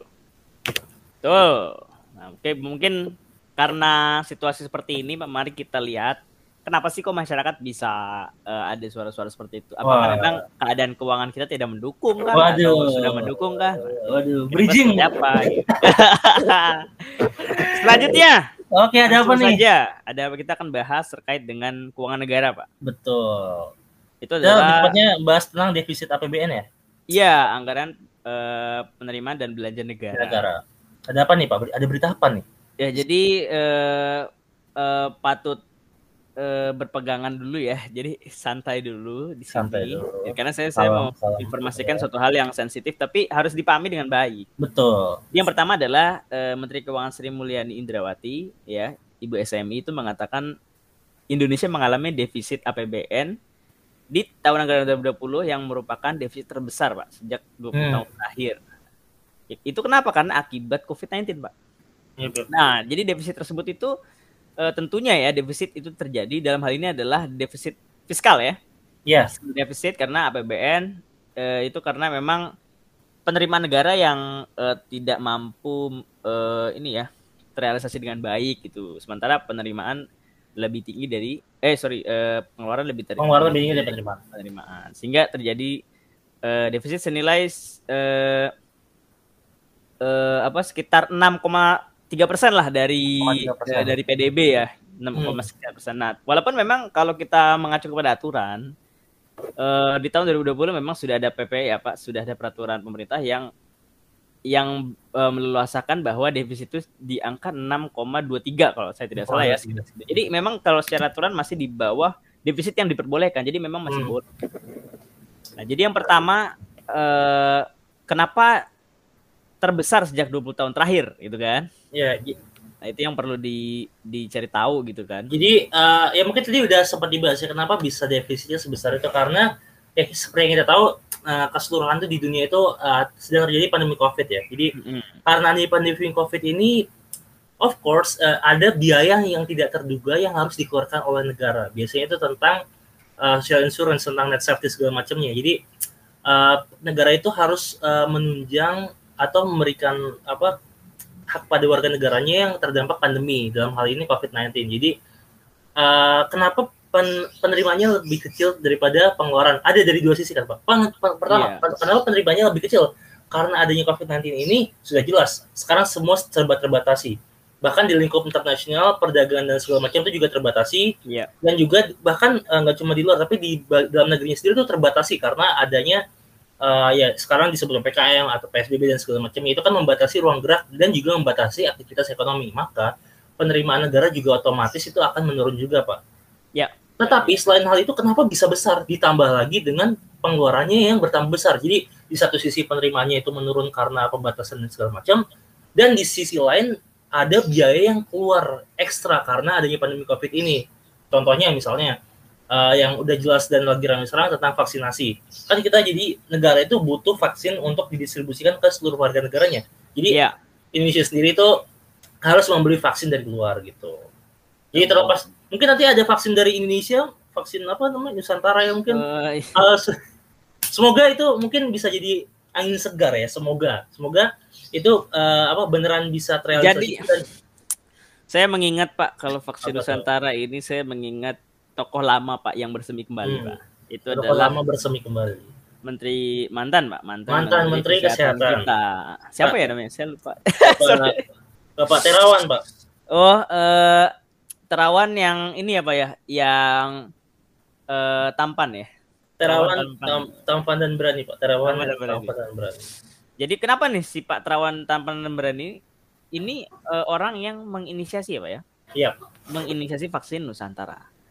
Nah, tadi yang berkaitan dengan uh, apa pengeluaran kita jadi mencoba ataupun mengusahakan meminimalisir ketergantungan terhadap negara lain gitu ya, Pak ya. Iya. Tapi untuk uh, untuk efikasi dan lainnya memang masih proses ya Pak ya, masih polemik. Iya, betul, betul, betul. Itu yang Ya, karena seperti yang kita tahu untuk membuat suatu kebijakan atau membuat suatu mungkin pergerakan tuh niat baik tidak cukup ya, Pak. Harus iya, Pak, dengan harus deliver, Pak. Harus, uh, harus deliver, harus dimangi dengan, dengan usahanya bagaimana to, ini ya. efektif, apakah efisien tuh harus dibarengi. Ya. cukup niat baik aja. Betul. Jadi, baik lagi ya, nanti uh, pengeluaran yes jelas ada vaksin, ada apa lagi bantuan sosial gitu kan. Itu biayanya besar banget. Makanya justru ya uh, kenapa kan Pak Jokowi pernah menyinggung tentang uh, apa namanya sense of crisis ya? Karena ya itu selain ada krisis dan selain ada krisis itu memang anggaran yang kita gunakan ini adalah uh, ya dalam kondisi defisit Pak. Jadi ya. karena defisit ini maka justru harus lebih ekstra hati-hati. Selain dari kecep walaupun emang harus cepat dalam distribusi tapi baik lagi paling penting itu harus hati-hati sehingga tidak ada misalokasi tidak ada yang mungkin ada celah terkorupsi segala macam karena ya baik lagi dananya adalah dana defisit juga pak jadi harus ya, lebih hati ya. mungkin gitu. memang kalau masyarakat itu memang cukup sensitif dengan kata defisit pak ya iya kadang-kadang ekonomi ini memahami pak kalau defisit itu memang apabila produktif dan uh, memang yeah. memang kebutuhan ya itu memang di memang biasa gitu dilakukan bahkan hampir uh, seluruh negara melakukan hal itu gitu. Yeah. Nah, jadi kalau kita lihat di sini sebenarnya ya Pak ya, mungkin teman-teman mungkin agak tidak setuju dengan apa yang saya katakan. Tapi di sini eh, memang defisit APBN itu diperbolehkan sekitar 6, sekitar 23 persen gitu ya, 6,23 atau 6,32 saya saya persis saya lupa. Tapi intinya yeah. adalah defisit yang sekarang itu masih di bawah dari peraturan yang eh, ada gitu. Jadi yeah. eh, poinnya apa yang ingin saya sampaikan di sini? Pada dasarnya pemerintah masih belum mengoptimalisasi uh, defisit yang seharusnya masih bisa dilakukan. Itu yang pertama. Tapi yang kedua di sini yang paling penting adalah sebenarnya untuk apa sih defisit itu gitu kan? Yep. Nah kalau kita melihat, oke, okay, defisit kita di bawah peraturan yang ada, berarti kan ada anggapan bahwa oh berarti sudah oke okay nih bahwa masih aman, masih aman, aman gitu. Tapi yeah. pertanyaannya apakah sudah tercover orang-orang yang memang membutuhkan gitu kan, yang membutuhkan anggarannya gitu kan? Yeah Nah, ternyata uh, yang seperti yang kita bahas dari tadi bahwa ada banyak kritikan dan lain-lain, ada yang masih pesimis yeah. dan lain-lain. Nah, jadi jadi harusnya memang ada space yang bisa dioptimalisasi lagi, Pak. Hmm. Gitu. Nah, uh, di situlah mengapa kita itu harus uh, memahami Pak bahwa defisit di saat krisis memang memang biasa dilakukan. Itu yang itu yang yeah. harus dipahami bersama. Mungkin ini ya, uh, ya tadi kan udah dibahas uh, defisit itu di mana uh, pengeluaran lebih besar dari penerimaan pak ya mungkin ya. kalau yang sering didengar oleh masyarakat umum itu bukan defisit tapi lebih ke arah utang walaupun utang itu nggak represent defisit oh, iya, defisit itu ya. cuma represent pengeluarannya lebih banyak tapi nggak harus ngutang gitu kan ya. karena uh, ya karena orang mungkin korelasinya kalau defisit itu utang walaupun nggak selalu ya tapi ya mungkin uh, orang awam tuh terbiasa mendengar oh kalau uh, negara berhutang ya karena mereka yeah. harus membayar kewajiban tersebut. Defisitnya ya, harus ditutup. Ya harus ditutup. Oke jadi uh, selanjutnya mungkin pak ya. Uh, jadi kalau kita itu uh, bukan hanya seharusnya ya kita bukan hanya melihat fiscal deficit pak.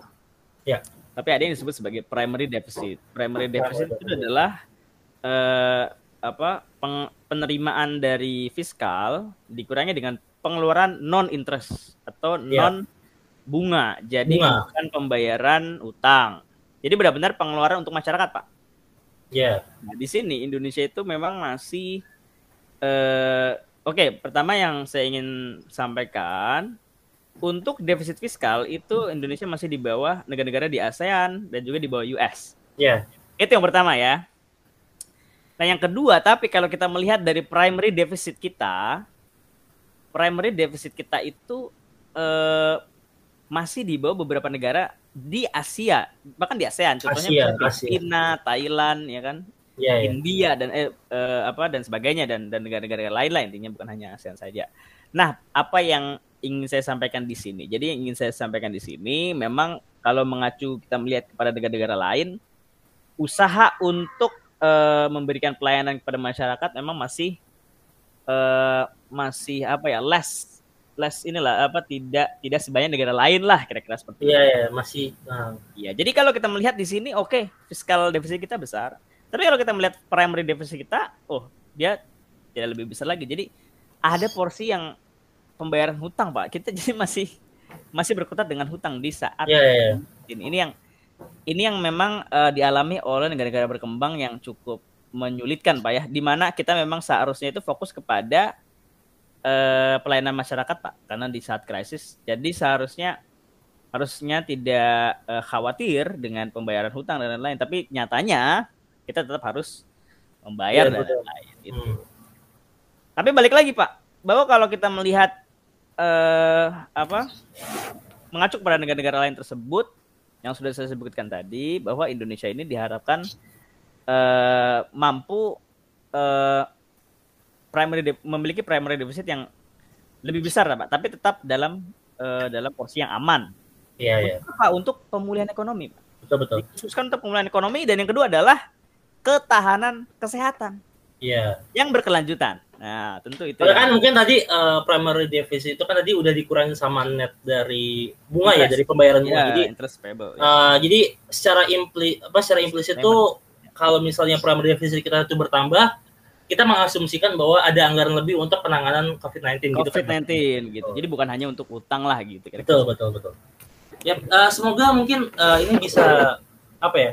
Ya mungkin nanti kemungkinan besar sih uh, ada, mungkin ada langkah ke arah situ ya tepat. Tapi yang harus kita uh, wanti-wanti lagi adalah balik lagi uh, dengan ini pengelolaan anggarannya. Ya betul pengelolaannya juga harus baik pak. Dan kalau kita mengacu pak ya, sebenarnya realisasi kita itu, waduh ini kayaknya nah, udah semakin ke mana-mana nah, nih. Gimana realisasinya pak? Sudah tersebut nih harus. iya iya saya salah nih kayaknya ini jadi podcast yang tidak fun ya. Tidak ke mana-mana ini.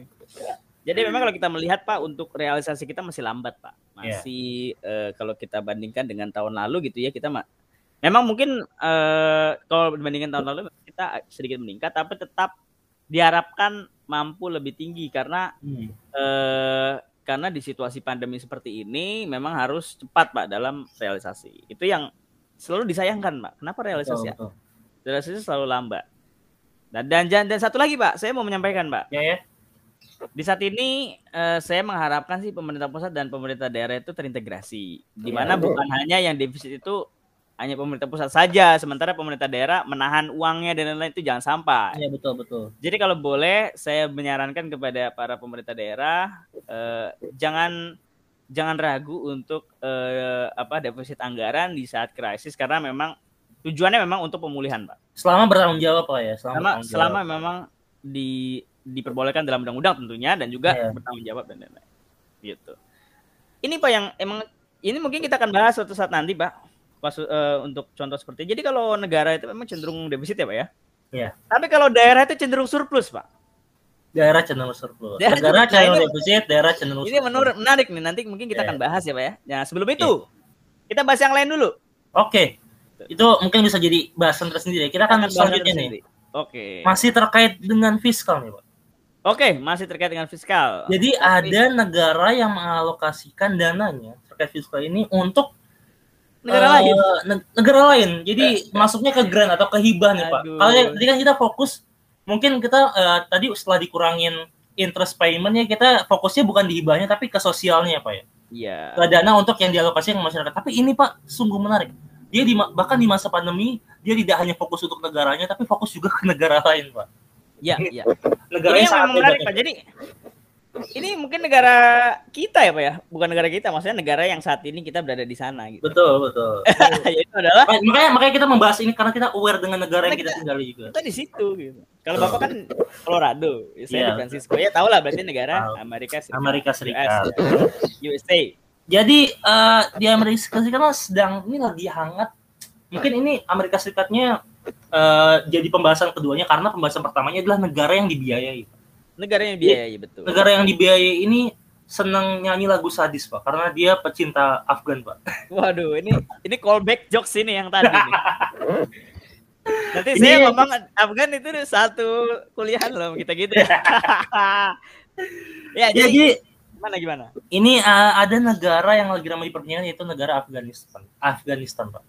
Jadi uh, kan ramai ini sudah apa di beberapa waktu yang lalu uh, negara Afghanistan ini sudah kembali diambil alih oleh uh, kelompok yang dinamai uh, kelompok Taliban, Pak. Jadi ini adalah kelompok uh, mungkin ya ekstremis relatif tapi ini adalah kelompok yang menjadi pionir yang dulu uh, mempertahankan daerahnya Pak dari uh, serangan daerah daerah lain atau dari invasi daerah lain pak itu yeah. kelompok Taliban jadi sekarang udah ber, kembali berkuasa pak setelah sekian okay. lama gitu. Ini masih hangat ya pak ya beritanya ya? Masih hangat bahkan panas pak kayaknya. Di sana berapa derajat ya? Masih panas nah, jadi uh, beritanya adalah ini kan uh, jadi ada negara jadi ada negara yang udah kita sebut tadi itu dia berusaha untuk ini tergantung perspektif ya. Pokoknya dia mengintervensi negara tersebut pak. Ya. Gitu. Ya entah motifnya kita tahu bisa banyak bisa multi interpretasi interpretasi tapi intinya adalah dia itu uh, menghabis sejak tahun 2001 tuh menghabiskan dana sekitar 2,26 triliun US dollar untuk membiayai proyek uh, di Afghanistan itu kalau dalam beritanya sih di eh, si apa CNN ini itu eh BBC ini adalah uh, itu membiayai proyek perang pak. Waduh. Proyek perang. Jadi ini termasuk jadi proyek perang ini termasuk biaya keseluruhan termasuk uh, personal yang dikirim, termasuk juga uh, apa uh, apa namanya rekonstruksi dan segala macam gitu. Jadi juga termasuk dengan pembiayaan senjata juga. Ya, jadi yang uh, yang saya ingin cari tahu Pak di sini kok bisa ya Pak ada suatu negara yang membayarkan hmm. negara lain Pak. Bahkan bukan cuma satu loh Pak kalau kita mengingat Pak Iya, ada beberapa. Ada is Israeli ya kan? Israeli. Ada ada, ada banyak, Pak. Ada banyak. Iya, apakah betul. negara apakah negara kita itu uh, membayari negara lain juga? Uh, kita saya agak kurang tahu tapi kita untuk dalam konteks perang ini kita pernah mengirimkan personal juga pak. Oh, uh, okay. di da, saat kita mas apa di apa dalam konteks PBB pak ya. Kita jadi menjadi, dunia ya pak ya? Jadi bukan ya, kita mengirimkan apa namanya tim Garuda kok nggak salah namanya iya, nama iya, ini iya. ya nama personalnya untuk Acang membantu bukan ya saya kira bukan. ya. Bukan. Ada David Beckham uh, lebih ke atom pak. Oh, oke. Okay. jadi ya mengirimkan personal juga tapi itu konteksnya perdamaian. Kalau ini perdamaian. bisa dibilang mendamaikan bisa dibilang sebaliknya juga tergantung perspektifnya siapa. Iya memang ya. untuk sejarahnya memang cukup panjang pak. Intinya langsung saja pak. Intinya adalah kalau dia... bapak berpandangan nih bagaimana nih dari anggaran-anggaran yang sudah dikucurkan? Apakah berhasil atau tidak Oke, jadi dari anggarannya sudah dikucurkan kan sudah terlihat kalau kita lihat hasil akhirnya adalah uh, di bulan ini, berarti kan bisa dibilang kind of fail ya pak yeah, cukup gagal yeah. cukup karena akhirnya tujuannya tidak berhasil karena akhirnya di kembali di uh, apa dipertahankan oleh kelompok yang emang sudah berada di negara tersebut jadi yep. ini kayak ini kalau dalam ekonomi itu kita kenal namanya sangkos pak jadi ada Sangkos. biaya yang sudah kita invest yang sudah kita keluarkan tapi pada akhirnya uh, hasilnya tidak sesuai dengan apa yang kita harapkan betul jadi misalnya anggap aja misalnya ini kan dari 2001 ke 2021 ya Pak ya, 20 tahun. Ya. Ini ibaratkan misalnya uh, ada ada seseorang yang punya pacar, pacaran selama 20 tahun tapi akhirnya gagal menikah Pak. Ini contoh dari Afghanistan dan Amerika ini Pak. Aduh, tapi gitu. apalagi apalagi Uh, dengar-dengar mau deket ke China pak. Jadi nah, seperti yang seperti yang bapak yang tadi sampaikan, betul. udah dekat PDKT 20 tahun ternyata jadi sama yang lain. Malah ditikung ya pak ya. Aduh. Tapi uh, kalau dari segi politik ya uh, ini adalah pergerakan yang bagus dari Cina sebenarnya. Iya iya iya iya. Ya itu kalau, kalau dalam perspektif politik ini adalah pergerakan yang bagus karena ya sudah jelas dia akan merangkul negara-negara yang tidak sepemikiran dengan negara dan dia juga strategis ya pak lokasi memang dekat hmm. dengan beberapa negara-negara bekas Soviet pak betul betul mengingat uh, untuk Afghanistan ya itulah kenapa memang Amerika US Oh, I don't know. yeah, that's some Yeah, mungkin political. we, we, we, we, can issue. have uh, ass- assumption but yeah, yeah. we can discuss but we we if you want don't want to discuss ya we can discuss later ini agak sensitif walaupun emang Ya. uh, mungkin kalau dalam ranah Indonesia nggak nggak akan kita nggak akan keserang ya mungkin tapi kalau misalnya ada podcast ini tersiar sampai ke. Afghanistan tiba-tiba halo, halo, halo, halo, halo. atau tiba-tiba uh, Joe Biden mendengar podcast ini kan kita nggak tahu Uh, kalau di sponsorin, oh terserah saya langsung beralih political opinion, political association langsung. langsung langsung kita kita Beralih. bahas semua Iya. kebaikan Biden kita bahas Uh, langsung saya bahas. semua dari- keburukannya keburukannya nggak akan kita bahas dari zaman jadi wali kota saya udah paham saya. betul betul bahkan bahkan uh, keburukannya akan kita ubah kita pelintir jadi kebaikan Betul, ya kita jadi inilah juru juru kampanye pak kalau Juru di. kampanye betul Nah ngomong-ngomong juru kampanye, ah ada apa tuh pak kenapa juru kampanye sih jadi bridging? Jadi mungkin kita nggak usah ngomong-ngomong yang berat-berat dulu pak. apa tuh Kita ngomong sisi kemanusiaannya aja dulu. ah iya iya Jadi bagaimana nih pandangan bapak dulu deh kalau dari situasi seperti ini? Oke, ini ya ini kan sekarang ya eh, dari pihak USA sendiri tuh mulai menggembor-gemborkan tentang sisi kemanusiaan karena dianggapnya kar- eh, kalau misalnya sekarang dikuasai oleh kelompok yang sekarang itu tidak memanusiakan manusia, Pak. Waduh, berarti Eh, ya walaupun ini ini asumsi juga karena kita tidak bisa memprediksikan apa yang terjadi setelah mereka berkuasa juga di situ. ya, tapi memang Eh. dalam hukum internasional atau dalam eh, dalam diplomasi internasional biasanya belajar dari sejarah gitu ya pak ya. Iya. Dan itu ya sejarahnya cukup mengkhawatirkan. Iya.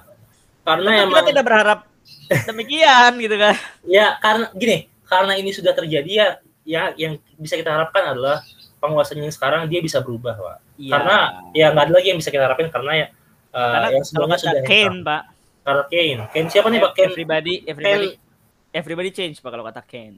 Kane. Penyanyi, Ini Kane- penyanyi. Oh, Dia Oh. UK. saya kira Kane ini Pak, Kane pemain Smackdown, Kane. Pak. Oh, saya kira pemain bola. Aduh. Oke. Eh, jadi kalau dari sudut pandang eh, kemanusiaan, Pak, jadi bu- belum kita berbicara jangan sampai eh Bapak eh, kalau boleh eh, jangan terlalu jauh kita berbicara bagaimana dia memerintah, tapi Iya, ya.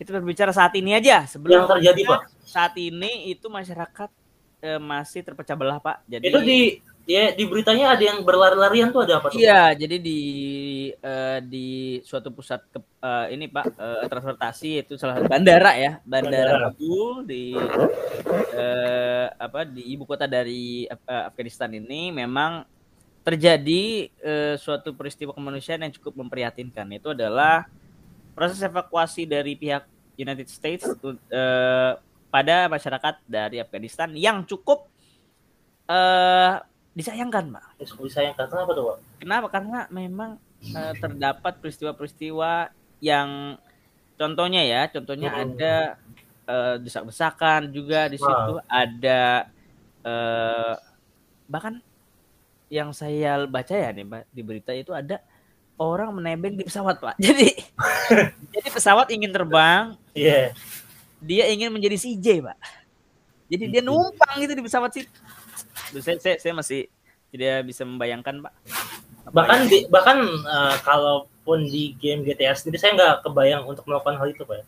ini ini di dunia nyata pak di dunia nyata Eh, terus ini pak itu kan tadi berbicara tentang berdesakan ya berarti di sana nggak ada covid Pak? Waduh, Pak, saya ada yang nelpon loh, Pak. wah siapa tuh pak Ini Jenderal Al Haili di situ. Al Hail siapa pak Siapa ya? Aduh, Perasaan- angkat ya. perasaan gue baca lima tokoh eh, penting Taliban nggak ada Al Hail nih pak nggak ada Al Hail itu siapa Aduh, Ini siapa nih? Udah, udah gampang, gampang, gampang. Ini, ini saya tidak perlu angkat. Ah, iya. Kalau, kalau saya angkat nanti masuk podcast nanti bahaya, Pak.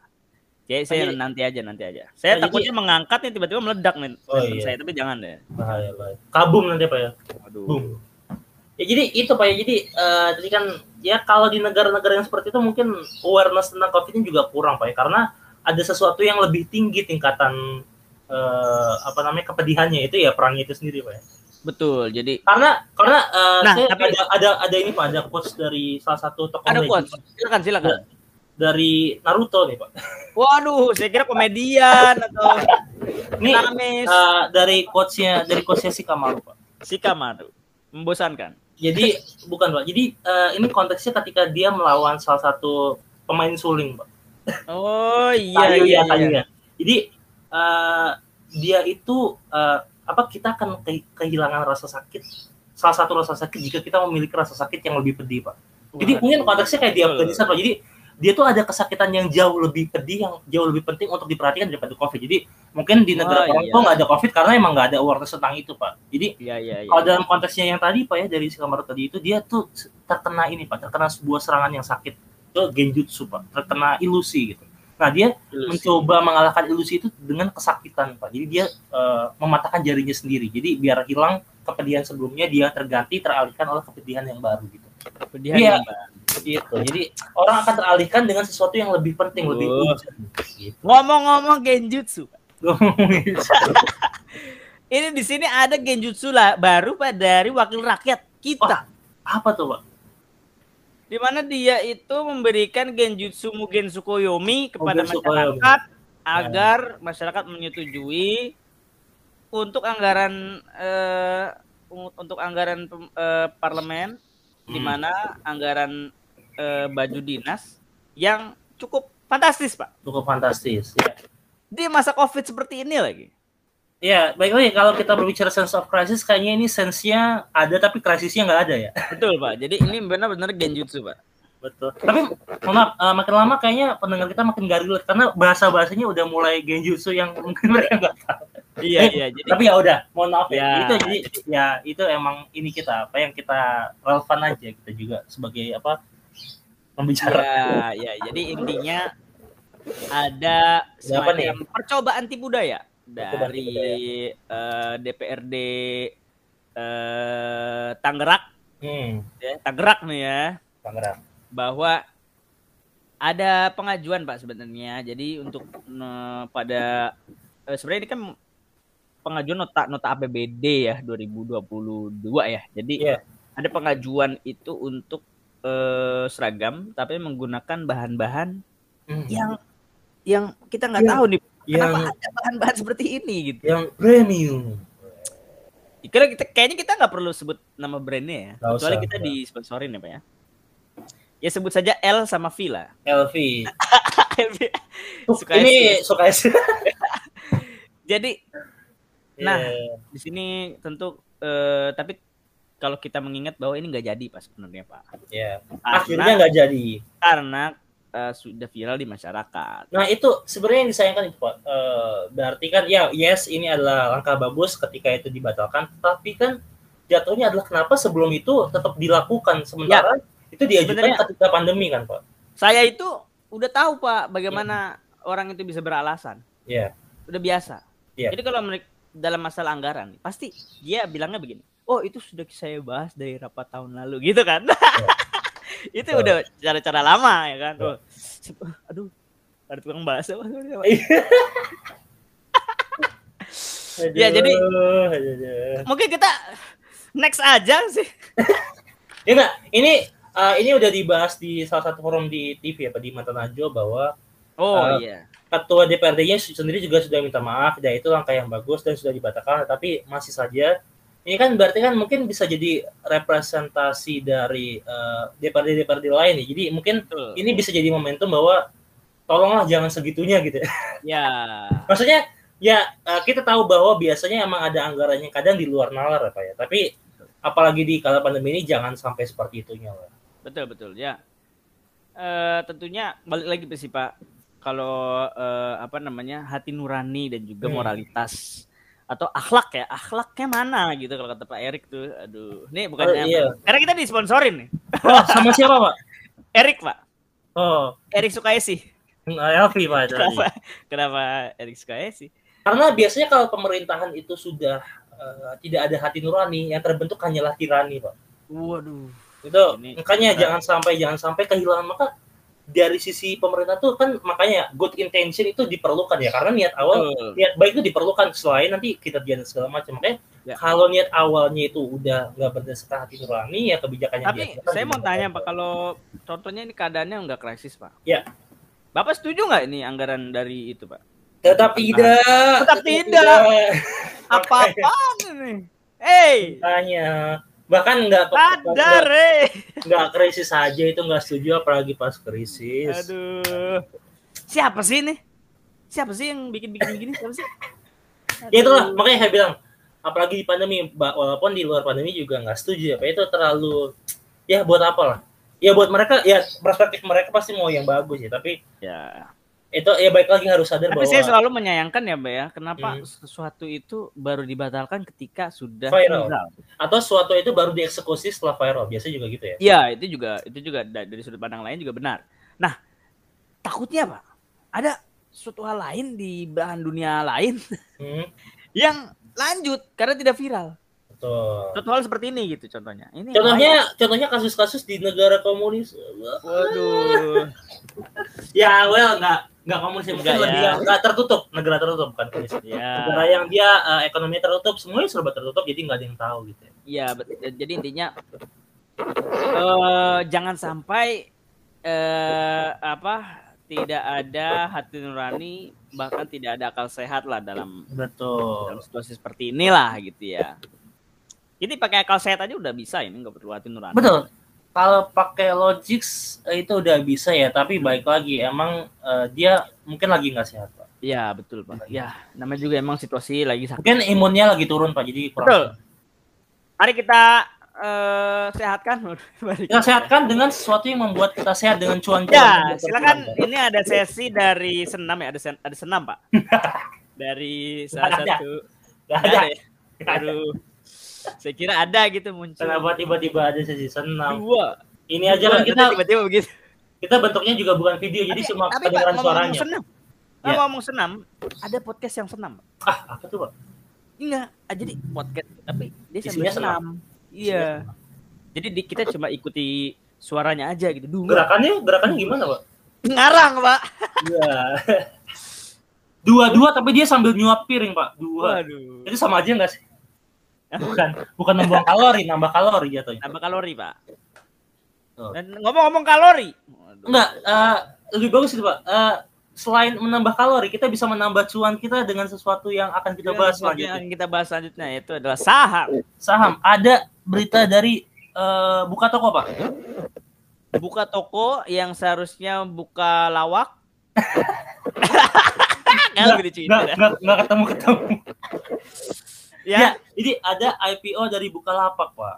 Aduh, sebenarnya eh mungkin mungkin oh Bapak udah ada, udah dapat ini ya Pak ya, dapat SMS untuk sponsorship ya Pak. Iya, Pak. Kita emang ha- eh, hari ini lagi banyak nih, Pak. Jadi Ya, mungkin durasinya akan jadi lebih panjang dan lebih Ya, banyak karena akan memang jadi lebih banyak sesi menjilat ya. Oh, tentu. Jadi silakan kalau mau masuk Bukalapak ya. Ini kita bisa bikin saham di Bukalapak nih melejit loh. Eh, melebihi Ngomong- IPO-nya Pak ya. Kita bisa Iya, ngomong- membuat melejit melebihi IPO. Ya. Jadi pada eh, pada waktu lalu Pak, yaitu adalah tanggal eh, tepatnya mungkin eh, minggu pertama bulan Agustus Iya, ya. Saya lupa tanggal persisnya. Oh, ini ada tanggal 6. tanggal 6 Pak. Ya, tanggal 6 PT Bukalapak itu mencatatkan saham pertama perdananya atau IPO Initial Public Offering Public di, offering, Bursa- yep. di Bursa Efek Indonesia. Eh untuk pertama kalinya ada startup unicorn ya Hmm.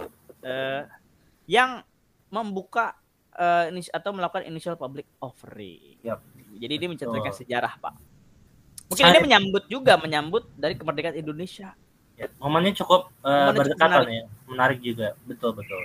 Kenapa menarik? Karena ini adalah startup mungkin bisa dibilang dalam 20 tahun terakhir Hmm. yang mencatatkan di burs lantai bursa Ya, betul. dan memberikan pandangan baru bagi para investor bahwa di Indonesia ini eh, startup juga bisa melakukan IPO dan eh, semoga juga diikuti da- eh, IPO-IPO yang lain. Iya, betul. Apa karena Bukalapak ini adalah eh, produk ataupun startup milik eh, startup asli dari Indonesia dan juga harus dimiliki oleh bangsa Indonesia tentunya. Betul. Mungkin eh, ya kurang lebih kita juga harus mendukung ya. Karena Ya. ini juga buatan Indonesia juga ya. Karena eh, ya baik lagi eh, ini adalah peristiwa bersejarah yang baru dan dibuka oleh eh, kepemilikan dari apa yang dimiliki oleh bangsa Indonesia juga gitu. Ya, jadi antusiasme cukup sangat tinggi, Pak. Khususnya dari pemerintah, Pak. Hmm, ada apa tuh? Pemerintah memberikan apa nih? Pemerintah memberikan apresiasi kepada Bukalapak ya, ya. melalui uh, Menteri Maritim dan Investasi. Ya. Yang saya tidak berani menyebutkan namanya. Itu. Kenapa gak berani, Pak? Berani, Pak. Jadi uh, ini, Pak. Jadi memberikan apresiasi dan juga mendorong mendorong startup-startup yang lain mengikuti Bukalapak. Ya, karena seperti yang kita tahu kalau misalnya sudah IPO sudah terbuka dalam bentuk saham itu akan lebih mudah menghimpun dana Pak sehingga bisa uh, apa ekspansi juga bisa ya. semakin besar juga Pak ya. Betul. Yang Jadi, pertama memang sudah transparan. Yap. Tentu karena kan harus harus ya terbuka. Hmm, untuk uh. Uh, dan juga memang bisa dimiliki oleh masyarakat Indonesia. Jadi bukan hanya konsumen tapi juga pemilik. Betul. Mantap ya. Jadi intinya selain emang the mungkin tujuannya juga untuk menghimpun dana sehingga bisa lebih luas lagi tapi ini adalah satu langkah menuju uh, perusahaan yang menjadi lebih baik karena transparansi ya, lebih baik. Gitu. Nah, apakah podcast kita akan IPO? Aduh. Uh, belum ada sejarahnya. Tidak ada sejarah, belum ada. Bahkan yang udah dari 2015 pun nggak IPO, Pak. Iya, betul sekali. Pertanyaannya memang emang kita ada ini, Pak. Apa? Ada dasar kepemilikan. Enggak ada. Masalahnya yang dimiliki nggak ada, Pak. Ngomong-ngomong saham, langsung ya. aja nih. Ada apa nih? Saham itu adalah kekayaan. Hmm. Ngomong-ngomong kekayaan. Jadi kayaknya bridgingnya bridgingnya bertingkat ya. Iya. Jadi kekayaan salah satunya adalah mahar. Betul. Mahar pernikahan. Nah, kita lanjut ke eh, apa berita selanjutnya di mana ada pernikahan yaitu antara Rizky, Rizky, eh, Rizky, Rizky, Bila, dan Lesti sih. Ah, bu, uh, bukan, kayaknya bukan Sukayesi, Pak. Aduh, saya nggak tahu belakangnya siapa, tapi bukan Sukayesi, Pak. Ya, Rizky dan Lesti ya. Itu, kalau Sukayesi yang merek merek baju tadi, Pak. Betul, betul. Nah, jadi eh, mereka menik melangsungkan pernikahan hmm. dan juga yang saya dengar ya, yang saya baca juga itu mahar pernikahannya itu berjumlah satu miliar. Miliar. Bener, ini dihadiri Pak Presiden juga nggak Pak? Kayak yang sebelumnya kan pernah ada tuh Pak dihadiri oleh. Sepertinya Pak uh, ini Pak, Pak Presiden sedang fokus Pak. Oh iya betul. Tujuh belasan. Saya kira ini Pak, saya kira karena Pak Presiden tuh kurang suka dangdut, lebih suka rock, jadinya yang satu juga genrenya bukan rock ya saya oh, kira. Iya. Tapi kan lebih terlihat ngepang dari bandananya dan nah, kacamatanya, Pak. Iya. Yang satu tuh genrenya apa ya? uh, uh, ini Pak Pang, Pang. uh, saya kira mungkin uh, Kronco, eh Kronco. Kronco. Oh. Oh, partnernya Pak, partnernya ya. Uh, Kronco uh, mungkin Pak. Yang lebih ya? ini, mungkin Kronco. Iya, iya, iya, iya. Karena dia di salah satu uh, acara publik tuh pernah joget-joget gitu pak kayaknya dari jogetannya tuh saya melihat tuh kayak keroncong gitu keroncong nah jadi ngomong-ngomong joget nih ya jadi mereka berdua memang terkenal di uh, acara uh, di acara dangdut gitu ya pak betul ya? betul dan disiarkan di acara dangdut tersebut uh, nah, nah tapi sebelum itu nih Tadi kita sudah berbicara terkait mahar, ya hmm. kan? Nah ini mahar satu miliar nih pak. Nah dari sini mungkin saya akan berbicara mengenai uh, apa sense of economics-nya Pak. Apakah sini. mahar itu ada pajaknya gitu Pak? Ya? Nah, betul betul. Jadi apakah mahar itu ada pajaknya? Hmm. Yang pertama apa sih eh, dasar dari melakukan hal tersebut? Jadi kalau dalam hal ini mahar itu adalah objek Pak, objek pajak gitu. Tapi tapi di sini dia bukan ya, dia bukan objek pajak. Tapi maksudnya suatu hal seperti eh, seperti halnya eh, suatu benda atau suatu kekayaan itu disebut sebagai objek, Pak. Yep. Nah, orangnya itu sebagai subjek pajak. Nah, yep. tapi dalam hal ini kalau kita melihat di sini mahar itu dikategorikan sebagai hadiah yang diberikan, ya kan? Hmm. Oleh uh, jadi bukan suatu bentuk uh, perpindahan kekayaan atau apa, tapi adalah hadiah. Nah, karena dia termasuk ke dalam golongan hadiah, sehingga memang pada dasarnya tidak ada pajak yang dikenakan, gitu. Yeah. Itu yang pertama. Nah, yang kedua, eh, mahar ini memang bervariasi pak di zaman modern ini pak. Hmm.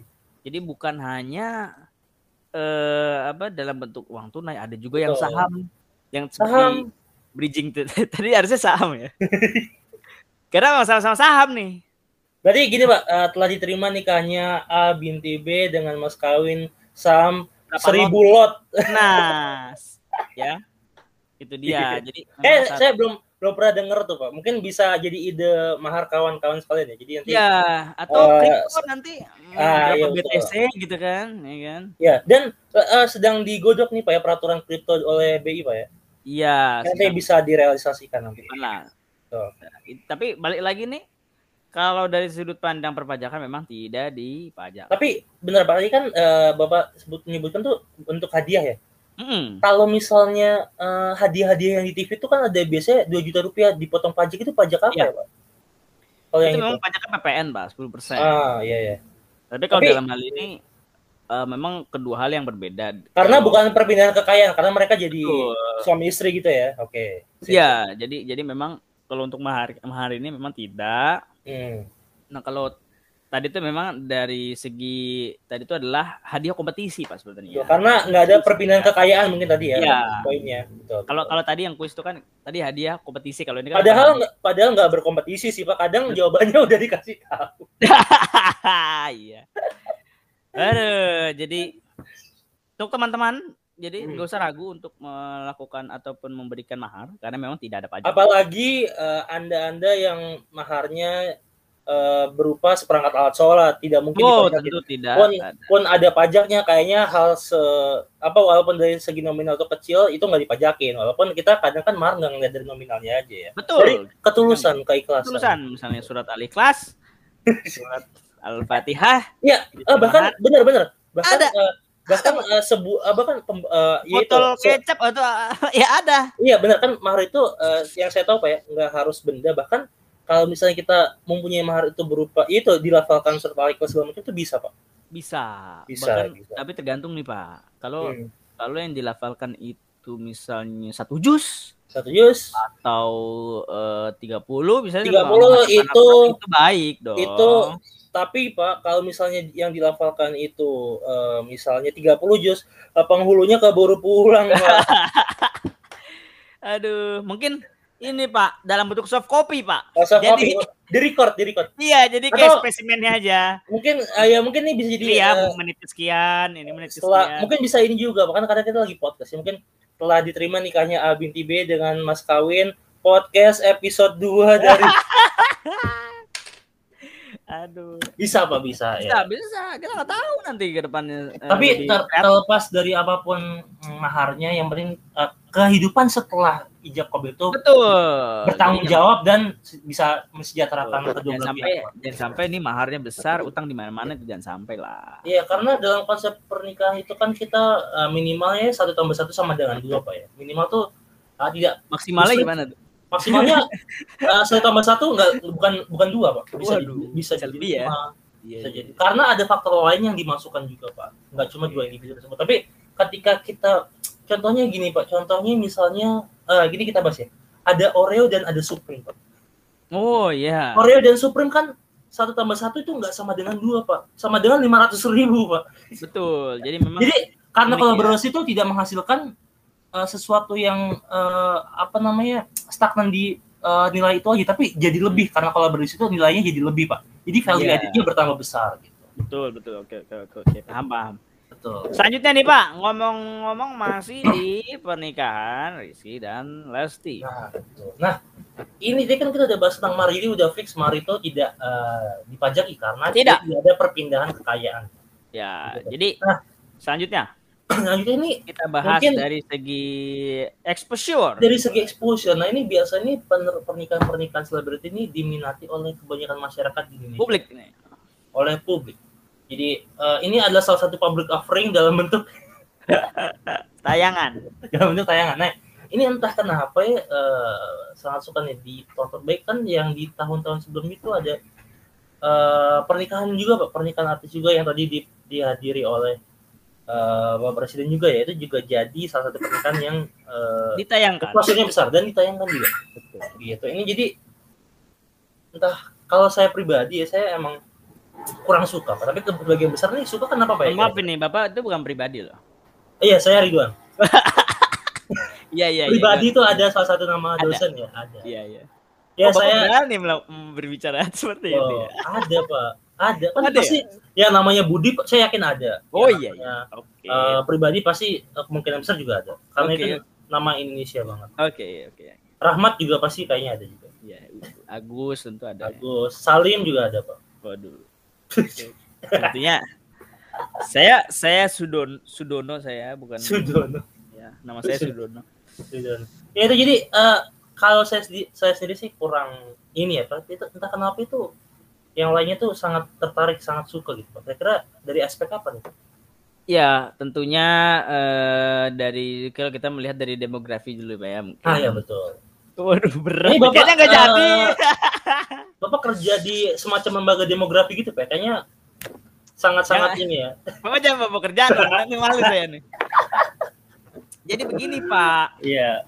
Apa tuh? Eh, kalau kita melihat Pak bahwa eh, atau kita nggak usah berbicara demografi dulu deh, kita berbicara dari segi eh, tayangan dulu deh ya. Tayangan yang paling top adalah entertainment Pak. Entertain. Untuk untuk TV ya, Betul. untuk betul. TV. Nah, Jadi kayak dia eh, bentuknya variety show atau reality show itu yang paling ya betul. Jadi dalam hal ini Rizky dan Bilar ini memang sudah telah enggak iya ya iya lama ya memang eh, menjadi selebriti yang diberitakan di Hmm. entertainment news gitu.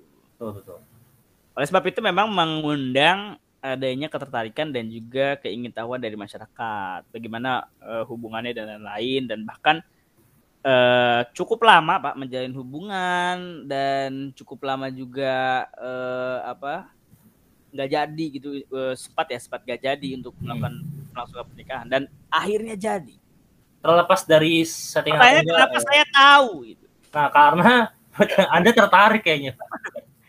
Jadi akhirnya jadi gini mungkin ada ada ini ada satu poin yang menarik Eh, gini ya. Jadi ada yang namanya eh, saya lupa. Jadi sesuatu hal tuh menjadi common jadi umum ketika ditayangkan terus menerus bahkan suatu kesalahan eh, kebiasaan yang salah itu bisa menjadi suatu kebenaran jika di terus terus menerus tuh ditayangkan di, dan, Ya. dan dianggap benar Ya, gitu ya, ya. Jadi ya ini balik lagi ke ini Pak, konsepnya adalah di aksesibilitas Pak. Ya. Jadi eh, s- selain selain memang channel atau akses yang dimiliki oleh Indonesia ini tuh kita kan masih merupakan ini ya Pak ya, eh, masih TV analog Pak ya. TV ya TV analog di mana ya eh, ya udah channelnya itu itu aja apalagi yang menyiarkan ini adalah channel yang predominantly itu berkuasa selama Bentar, bentar, bentar, bentar. Sepertinya kita beberapa minggu lalu membahas channel ini. Eh, oh iya Pak, benar. Tentang eh, volley Pak ya, tentang Volley, volley, tentang volley. Kenapa Jadi sih kita membahas channel ini lagi? karena channel ini adalah channel yang Indonesia banget dari nama Oh, Indonesia banget. ya banget dengan eh, logonya ikan lele apa Ikan itu terbang. ikan, ikan apa sih Pak? itu ikan apa Itu sepertinya ikan lele bersayap? Ikan ajaib, Pak. ikan aja ya itu ya. Jadi eh, kalau eh, kita balik ke konsep ya ini pernah di, saya ah, pernah saya pelajari di ekonomi digital Pak. Jadi eh, aksesibilitas itu akan drive orang itu untuk memiliki pola pikir ya. Karena yang ditayangkan itu itu aja. Apalagi kita masih pakai TV analog di mana eh, range-nya itu ditentukan oleh eh, apa teknologi dan aset yang dimiliki oleh eh, apa perusahaan tersebut pak. Jadi misalnya Ya. contohnya TV yang kita bahas sebelumnya itu kan udah lama ya pak. Jadi jadi bandinginnya gini aja pak. TV lokal dengan TV yang skalanya nasional. Itu kan kenapa mereka bisa jadi skala nasional? Karena mereka udah punya perangkat-perangkat yang membuat siaran mereka tuh bisa tayang di mana pun dan dengan kualitas yang juga cukup jernih dan cukup bagus pak. Mm-mm. selama tayangan yang tersedia hanya itu itu saja dan yang ditayangkan itu itu saja ya otomatis contohnya kayak bapak tadi nggak suka tapi tahu ya karena itu tadi yang disiarkan itu terus pak. Walaupun mungkin kalau di generasi kita tuh sedikit punya pilihan karena kita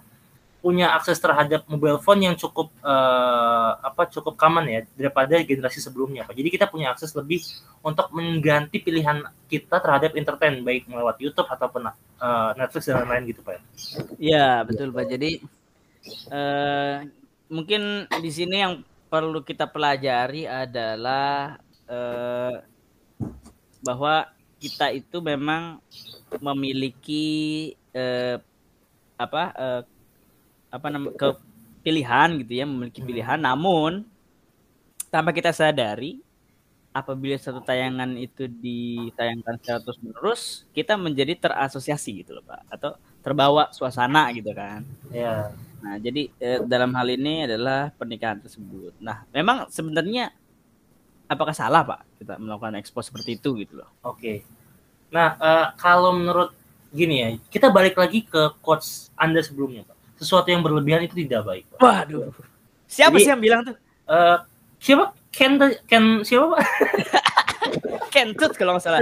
Jadi Ken Tooth ya jadi uh, kalau kita pernah berkaca jadi uh, pernah ada satu siaran yang akhirnya di uh, putus apa di berhentikan hak siarnya itu dulu ada goyang apa acara tentang goyang-goyang gitu pak. Ada di ya? di TV-nya Trans pak di TV-nya Trans. Oh iya iya Nah, itu iya, iya. karena uh, durasinya yang over pak karena terlalu berlebihan ditayangkan. Nah jadi mungkin walaupun ini konsepnya sekali seumur hidup jadi mungkin ya sebenarnya ada justifikasinya sih pak. Justifikasinya adalah biasanya tuh tentang uh, prosesi pernikahannya Budaya, tata caranya betul, budayanya. iya, iya. ya betul. Tapi uh, menurut saya um, terlalu berlebihan ya. tergan uh, tergantung juga sama kondisi pak. Kalau misalnya ada sesuatu yang lebih urgent untuk ditayangkan itu sebaiknya porsinya tetap tidak terlalu berlebihan gitu. walaupun memang ada justifikasi lain pak. Karena misalnya ada yang berpendapat gini oh ini kan sebagai sarana saya menghibur diri karena pandemi ini butuh hiburan gitu kayak iya, ya iya. kayak supporter bola yang menyayangkan siaran bolanya ini ya kan eh, diundur atau dibatalkan Mundur, gitu. dibatalkan Betul. iya Jadi, iya iya Di satu sisi ada sisi saya setujunya, ada enggaknya. Tapi balik lagi sesuatu yang berlebihan itu tidak baik. Gitu. ya ngomong-ngomong berlebihan Berlebihan. ada peristiwa-peristiwa berlebihan berikut yang mungkin kita akan rekap juga Wah, apa tuh Pak? Yang pertama adalah eh, suatu eh, apa kampanye yang berlebihan Kampanye berlebihan. yang akhirnya justru seperti eh, memakan atau menelan ludah sendiri. Menelan ludah sendiri. Hmm. Itu adalah peristiwa jering. Jering. Sih gimana sih bacanya, Pak? Eh, eh, J- nggak tahu Pak. Tapi ini ini tulisannya jering pakai G Pak. ya? Jering. pakai- Jering pakai G itu melaksanakan vaksinasi padahal sebelumnya mengkampanyekan anti, Pak. Oh, oh jadi sebenarnya kan vaksin hal biasa ya. Tapi ini karena dia sebelumnya tuh anti vaksin ceritanya Pak ya. Eh, Nggak mau sebenarnya vaksin. mungkin mungkin bukan anti vaksin ya, Pak, tapi Oh, dia mengkampanyekan tidak apa bahwa eh, ini ya eh, apa bukan anti bukan anti vaksin ya Kesannya- kesannya seperti anti-vaksin. dan juga sebenarnya kalau secara detailnya dia itu me, eh, mengkritisi WHO pak. Ya gitu. Siapa Pak? Hu, Hu, iya makanya itu. Hu. Siapa Dia Pak yang Hu? dia mengkritisi kenapa cuma eh, kenapa cuma tanda tanya gitu. Kenapa tidak ada solusi gitu loh pak. Apa sih? Oke masuk saja kita langsung ke beritanya. Jadi musisi pak. Dia tuh adalah seorang musisi. Ya. Jering pakai G akhirnya menerima vaksin COVID-19 ya pertamanya itu pada hari Minggu Wah. ya, Oke. di Polda Metro Jaya nah jadi Waduh, khusus nih tempatnya kayaknya Pak. khusus ya. Kenapa ya kok bisa di situ ya? Makanya Pak. Kenapa? Mungkin ini momentum juga sebagai sebagai sarana edukasi. Kayaknya silaturahmi, Pak. Oh, mungkin ya. Atau mungkin sekalian Pak diinterogasi. Iya ya, jadi Oke oke, jadi gitu ya. Iya betul. Itu saya setuju tuh, Pak. Apa? Kalau boleh nanti misalnya ada ada yang apa ya, bisa dibilang misalnya ada terduga atau tersangka atau ter Ah, teraniaya atau apa pokoknya ada yang berkaitan dengan kepolisian lalu dibawa ke kantor polisi Vaksinnya di situ. di situ Aduh, oke boleh boleh. apalagi mereka yang eh, Jadi tiba-tiba Anda tiba-tiba Anda yang belum vaksin didatangi kan. Wah, FBI, FBI open up gitu kan. Tiba-tiba Iya. datang. Lalu Anda dibawa dibawa dibawa ke rumah sakit eh ke rumah sakit ke, Ke polisi, kantor kantor polisi. Lalu Anda divaksin di sana. Jadi mungkin itu salah satu eh, yang menarik, Pak. betul betul. Bahkan iya iya. Jadi apalagi yang Presiden, Pak, kalau kita ingat, Pak. Pak Apa? Presiden, Oh, iya. Presiden kita ya, Pak Presiden kita di Indonesia itu Pak Jokowi itu menyatakan bahwa harus vaksin door to door. door to door. Nah. Artinya itu yang divaksin adalah pintunya ya Pak ya. Oh, betul. Dari pintu ke dari, dari pintu ke pintu dari pintu oleh pintu untuk pintu. Jadi bukan bukannya divaksin pintunya, tapi maksudnya Bukan. rumah ke rumah. Jadi dikunjungi satu persatu gitu ya Pak. Nah, jadi mungkin ini bisa dilakukan nih, Pak. Jadi orang kan bingung gitu kan, oh apa surat tugasnya ternyata surat tugas dari Kementerian Kesehatan. Iya betul. Nah, jadi ngomong-ngomong Kementerian Kesehatan, aduh, balik lagi kita ngomongin vaksinasi. Nah ya jadi ini ya jadi beritanya rame karena itu kan ini nggak tahu ya ini mungkin ter apa ya tertrigger oleh kampanyenya Eh, Pak Jaring ini juga karena kan dia bilang siapa ID atau Kemenkes yang kacung WHO itu Pak ya. Terus dia Ya. terus akhirnya ada juga beritanya tentang oh kalau vaksin ini ada chipnya, ada bluetoothnya gitu ya. Ya. Ya, men, eh, ini gue dapat dari, gue lupa dari mana. Pokoknya dia bilang gini, men, eh, jangan jangan percaya dulu kalau vaksinnya itu ada chipnya, ada bluetoothnya. Orang kita aja administrasi masih fotokopi KTP ya kan kita belum secanggih itu. Betul. Bahkan chip yang di KTP kita aja nggak tahu guna apa enggak pak ya. Lagi pula, Pak, Ya. sebenarnya ada teknologi canggih, Pak, Apa tuh? yang sebenarnya sejak sejak zaman kita diciptakan sudah ada, Apa tuh pak? yaitu adalah Shaiton. Syaitan. Karena kalau Bluetooth chip ini di- dikatakan eh, walaupun dengan tanda kutip ini adalah info yang salah, tapi dikatakan itu eh, Misalnya? melalui vaksin, tapi Hmm. Shaiton itu mengalir dalam darah. Waduh. itu itu nggak perlu disuntik pak ya. Ini udah lebih canggih lagi, Pak. Betul. Dia ini bisa lebih menghasut kita pak ya. Betul. Jadi jadi balik lagi bahwa harusnya kita lebih lebih berfokus kepada hal-hal yang memang eh, harus kita eh, berantas, Pak. Itu adalah syaiton, Pak. Ini Tapi sih maksudnya bukan? kalau tapi maksudnya kalau kalau chip eh, kalau benar di vaksinnya itu ada bluetoothnya pak ya. Iya. Saya kan kemarin udah vaksin ya pak. Terus saya juga ada, di- lewat Saya HP, saya klik bluetooth tuh nggak ada perangkat baru sih pak. Jadi kayaknya Nggak ada. Nggak ada. Iya. Jadi ada. apa gitu? Ini eh yang pertama mungkin saya juga bingung ya, Pak. Eh, kenapa orang itu mudah percaya dengan berita- berita-berita seperti ini gitu kan? Iya betul. Saya mau Ini tanya aja sih. Apa Emang tuh? emang ada orang udah pernah ngeliat Bluetooth kayak gimana? Nah ya itu makanya.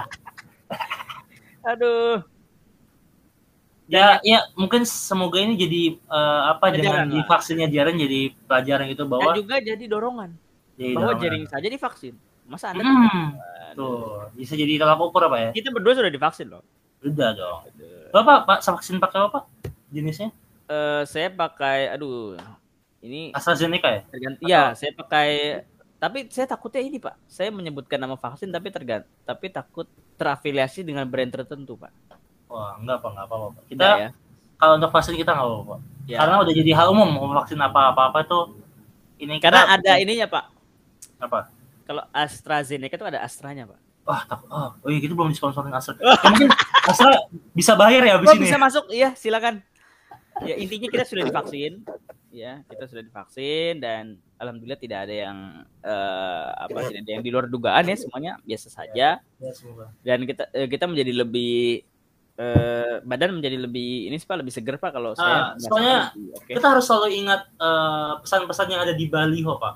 apa tuh Aman, imun, iman, Pak. Wow, terus oke. Itu saya tercerahkan oleh baliho itu. Saya tadinya saya nggak kepikiran, Pak. Pas saya lihat baliho, bentar bentar bentar bentar aman imun, Imun, iman iman. AII dong AII. Harusnya gimana, Pak? harusnya gimana ya aman, imun, iman iman, imun, imun. Isman I- aduh saya juga nggak tahu nih Isman siapa? iya saya juga nggak tahu nih pak Ya itu pokoknya. Kan isolasi mandiri pak Oh iya benar. Oh iya benar, mungkin Isman kali. Ya, ya jadi itu ya baik baik Anda baliho, percaya gitu baik baliho maupun baik baliho maupun mural yang kita sebutin mungkin tadi itu ada dampak positifnya, Pak. Nah, ya mungkin selain ini dam selain yang positif kabar positif mengembirakan mengembirakan ini Pak, dari jaring ada apa lagi nih Pak? ada kabar mengembirakan Positif, negatif, mengembirakan atau mengejutkan Pak? ini mengembirakan Mengembirakan ada apa nih Pak? ada duel UFC Duel UFC antara pemegang sabuk hitam dengan dengan pemegang sabuk emas pemegang sabuk emas. Yang sabuk hitam yang mana Pak? Smith dan Beckerman Johnson melawan Ryan Jombang? Aduh ini kita harus maaf ya. ada Aba Habib Bahar bin Smith. Iya Smith jadi- Weber Jagerman Jensen ya. betul jadi bukan Habib Bahar Habib Bahar aja tapi Bukan. Habib Bahar. Smith. Smith Weber Jensen. Orang nomor satu ya Pak. ya? Jagerman Wegerman Jeberman Jemen. Smithy, apa sih? Ya orang Smithy, Smithy. Weber, Weber. Jagerman, Jagerman. Jensen. Smithy Weber Jagerman Jensen oh Ya. Jadi Pak harusnya biasanya salah loh Pak di Iya, peleset. saya saya sebenarnya Ya, begitu, tapi ternyata kok benar gitu. Malah bener. Justru saya terpleset untuk menjadi benar gitu. Aduh, ya oke lanjut. Nah, lanjut jadi mereka ini ada perselisihan, Pak. Yang seperti biasanya juga selalu ada perselisihan, tapi kali ini tempatnya lebih unik. Iya, gimana Pak? Nah, jadi suatu ring ya, Hmm. saking ring itu eh, sangat ber apa ya, berkesan sampai dikasih sel. Oh, dikasih sel. Jadi Anda bayangkan ya ada Smackdown gitu ya. Hmm. Terus ada ring tapi ringnya itu karena saking spesialnya tiba-tiba dari atas tuh turun set ya kan. Sel tahanan gitu ya. Jadi ada sel tahanan mereka duel di situ, Pak. Duel. Wah, mantap nih. Kayak UFC bener ya berarti ya? Betul. Jadi eh, apa duel tersebut telah terjadi dan alhamdulillahnya memang tidak ada korban jiwa, Pak. Oke. Jadi kedua belah pihak masih sehat nih, masih oke. Nggak ada yang nggak ada yang dikubur di belakang tahanan kan, Pak? Oh, nggak ada, Nggak ada. Aman ya? Aman. Nggak ada yang terdoktrinisasi nggak ada Pak ya? nggak ada nggak ada yang eh, menghilang tapi nggak bisa dicari juga nggak ada itu ada. nggak ada gitu nah itu yang eh, apa Hmm, kasusnya gara kenapa sih Pak? Kenapa bisa akhirnya bertarung Pak?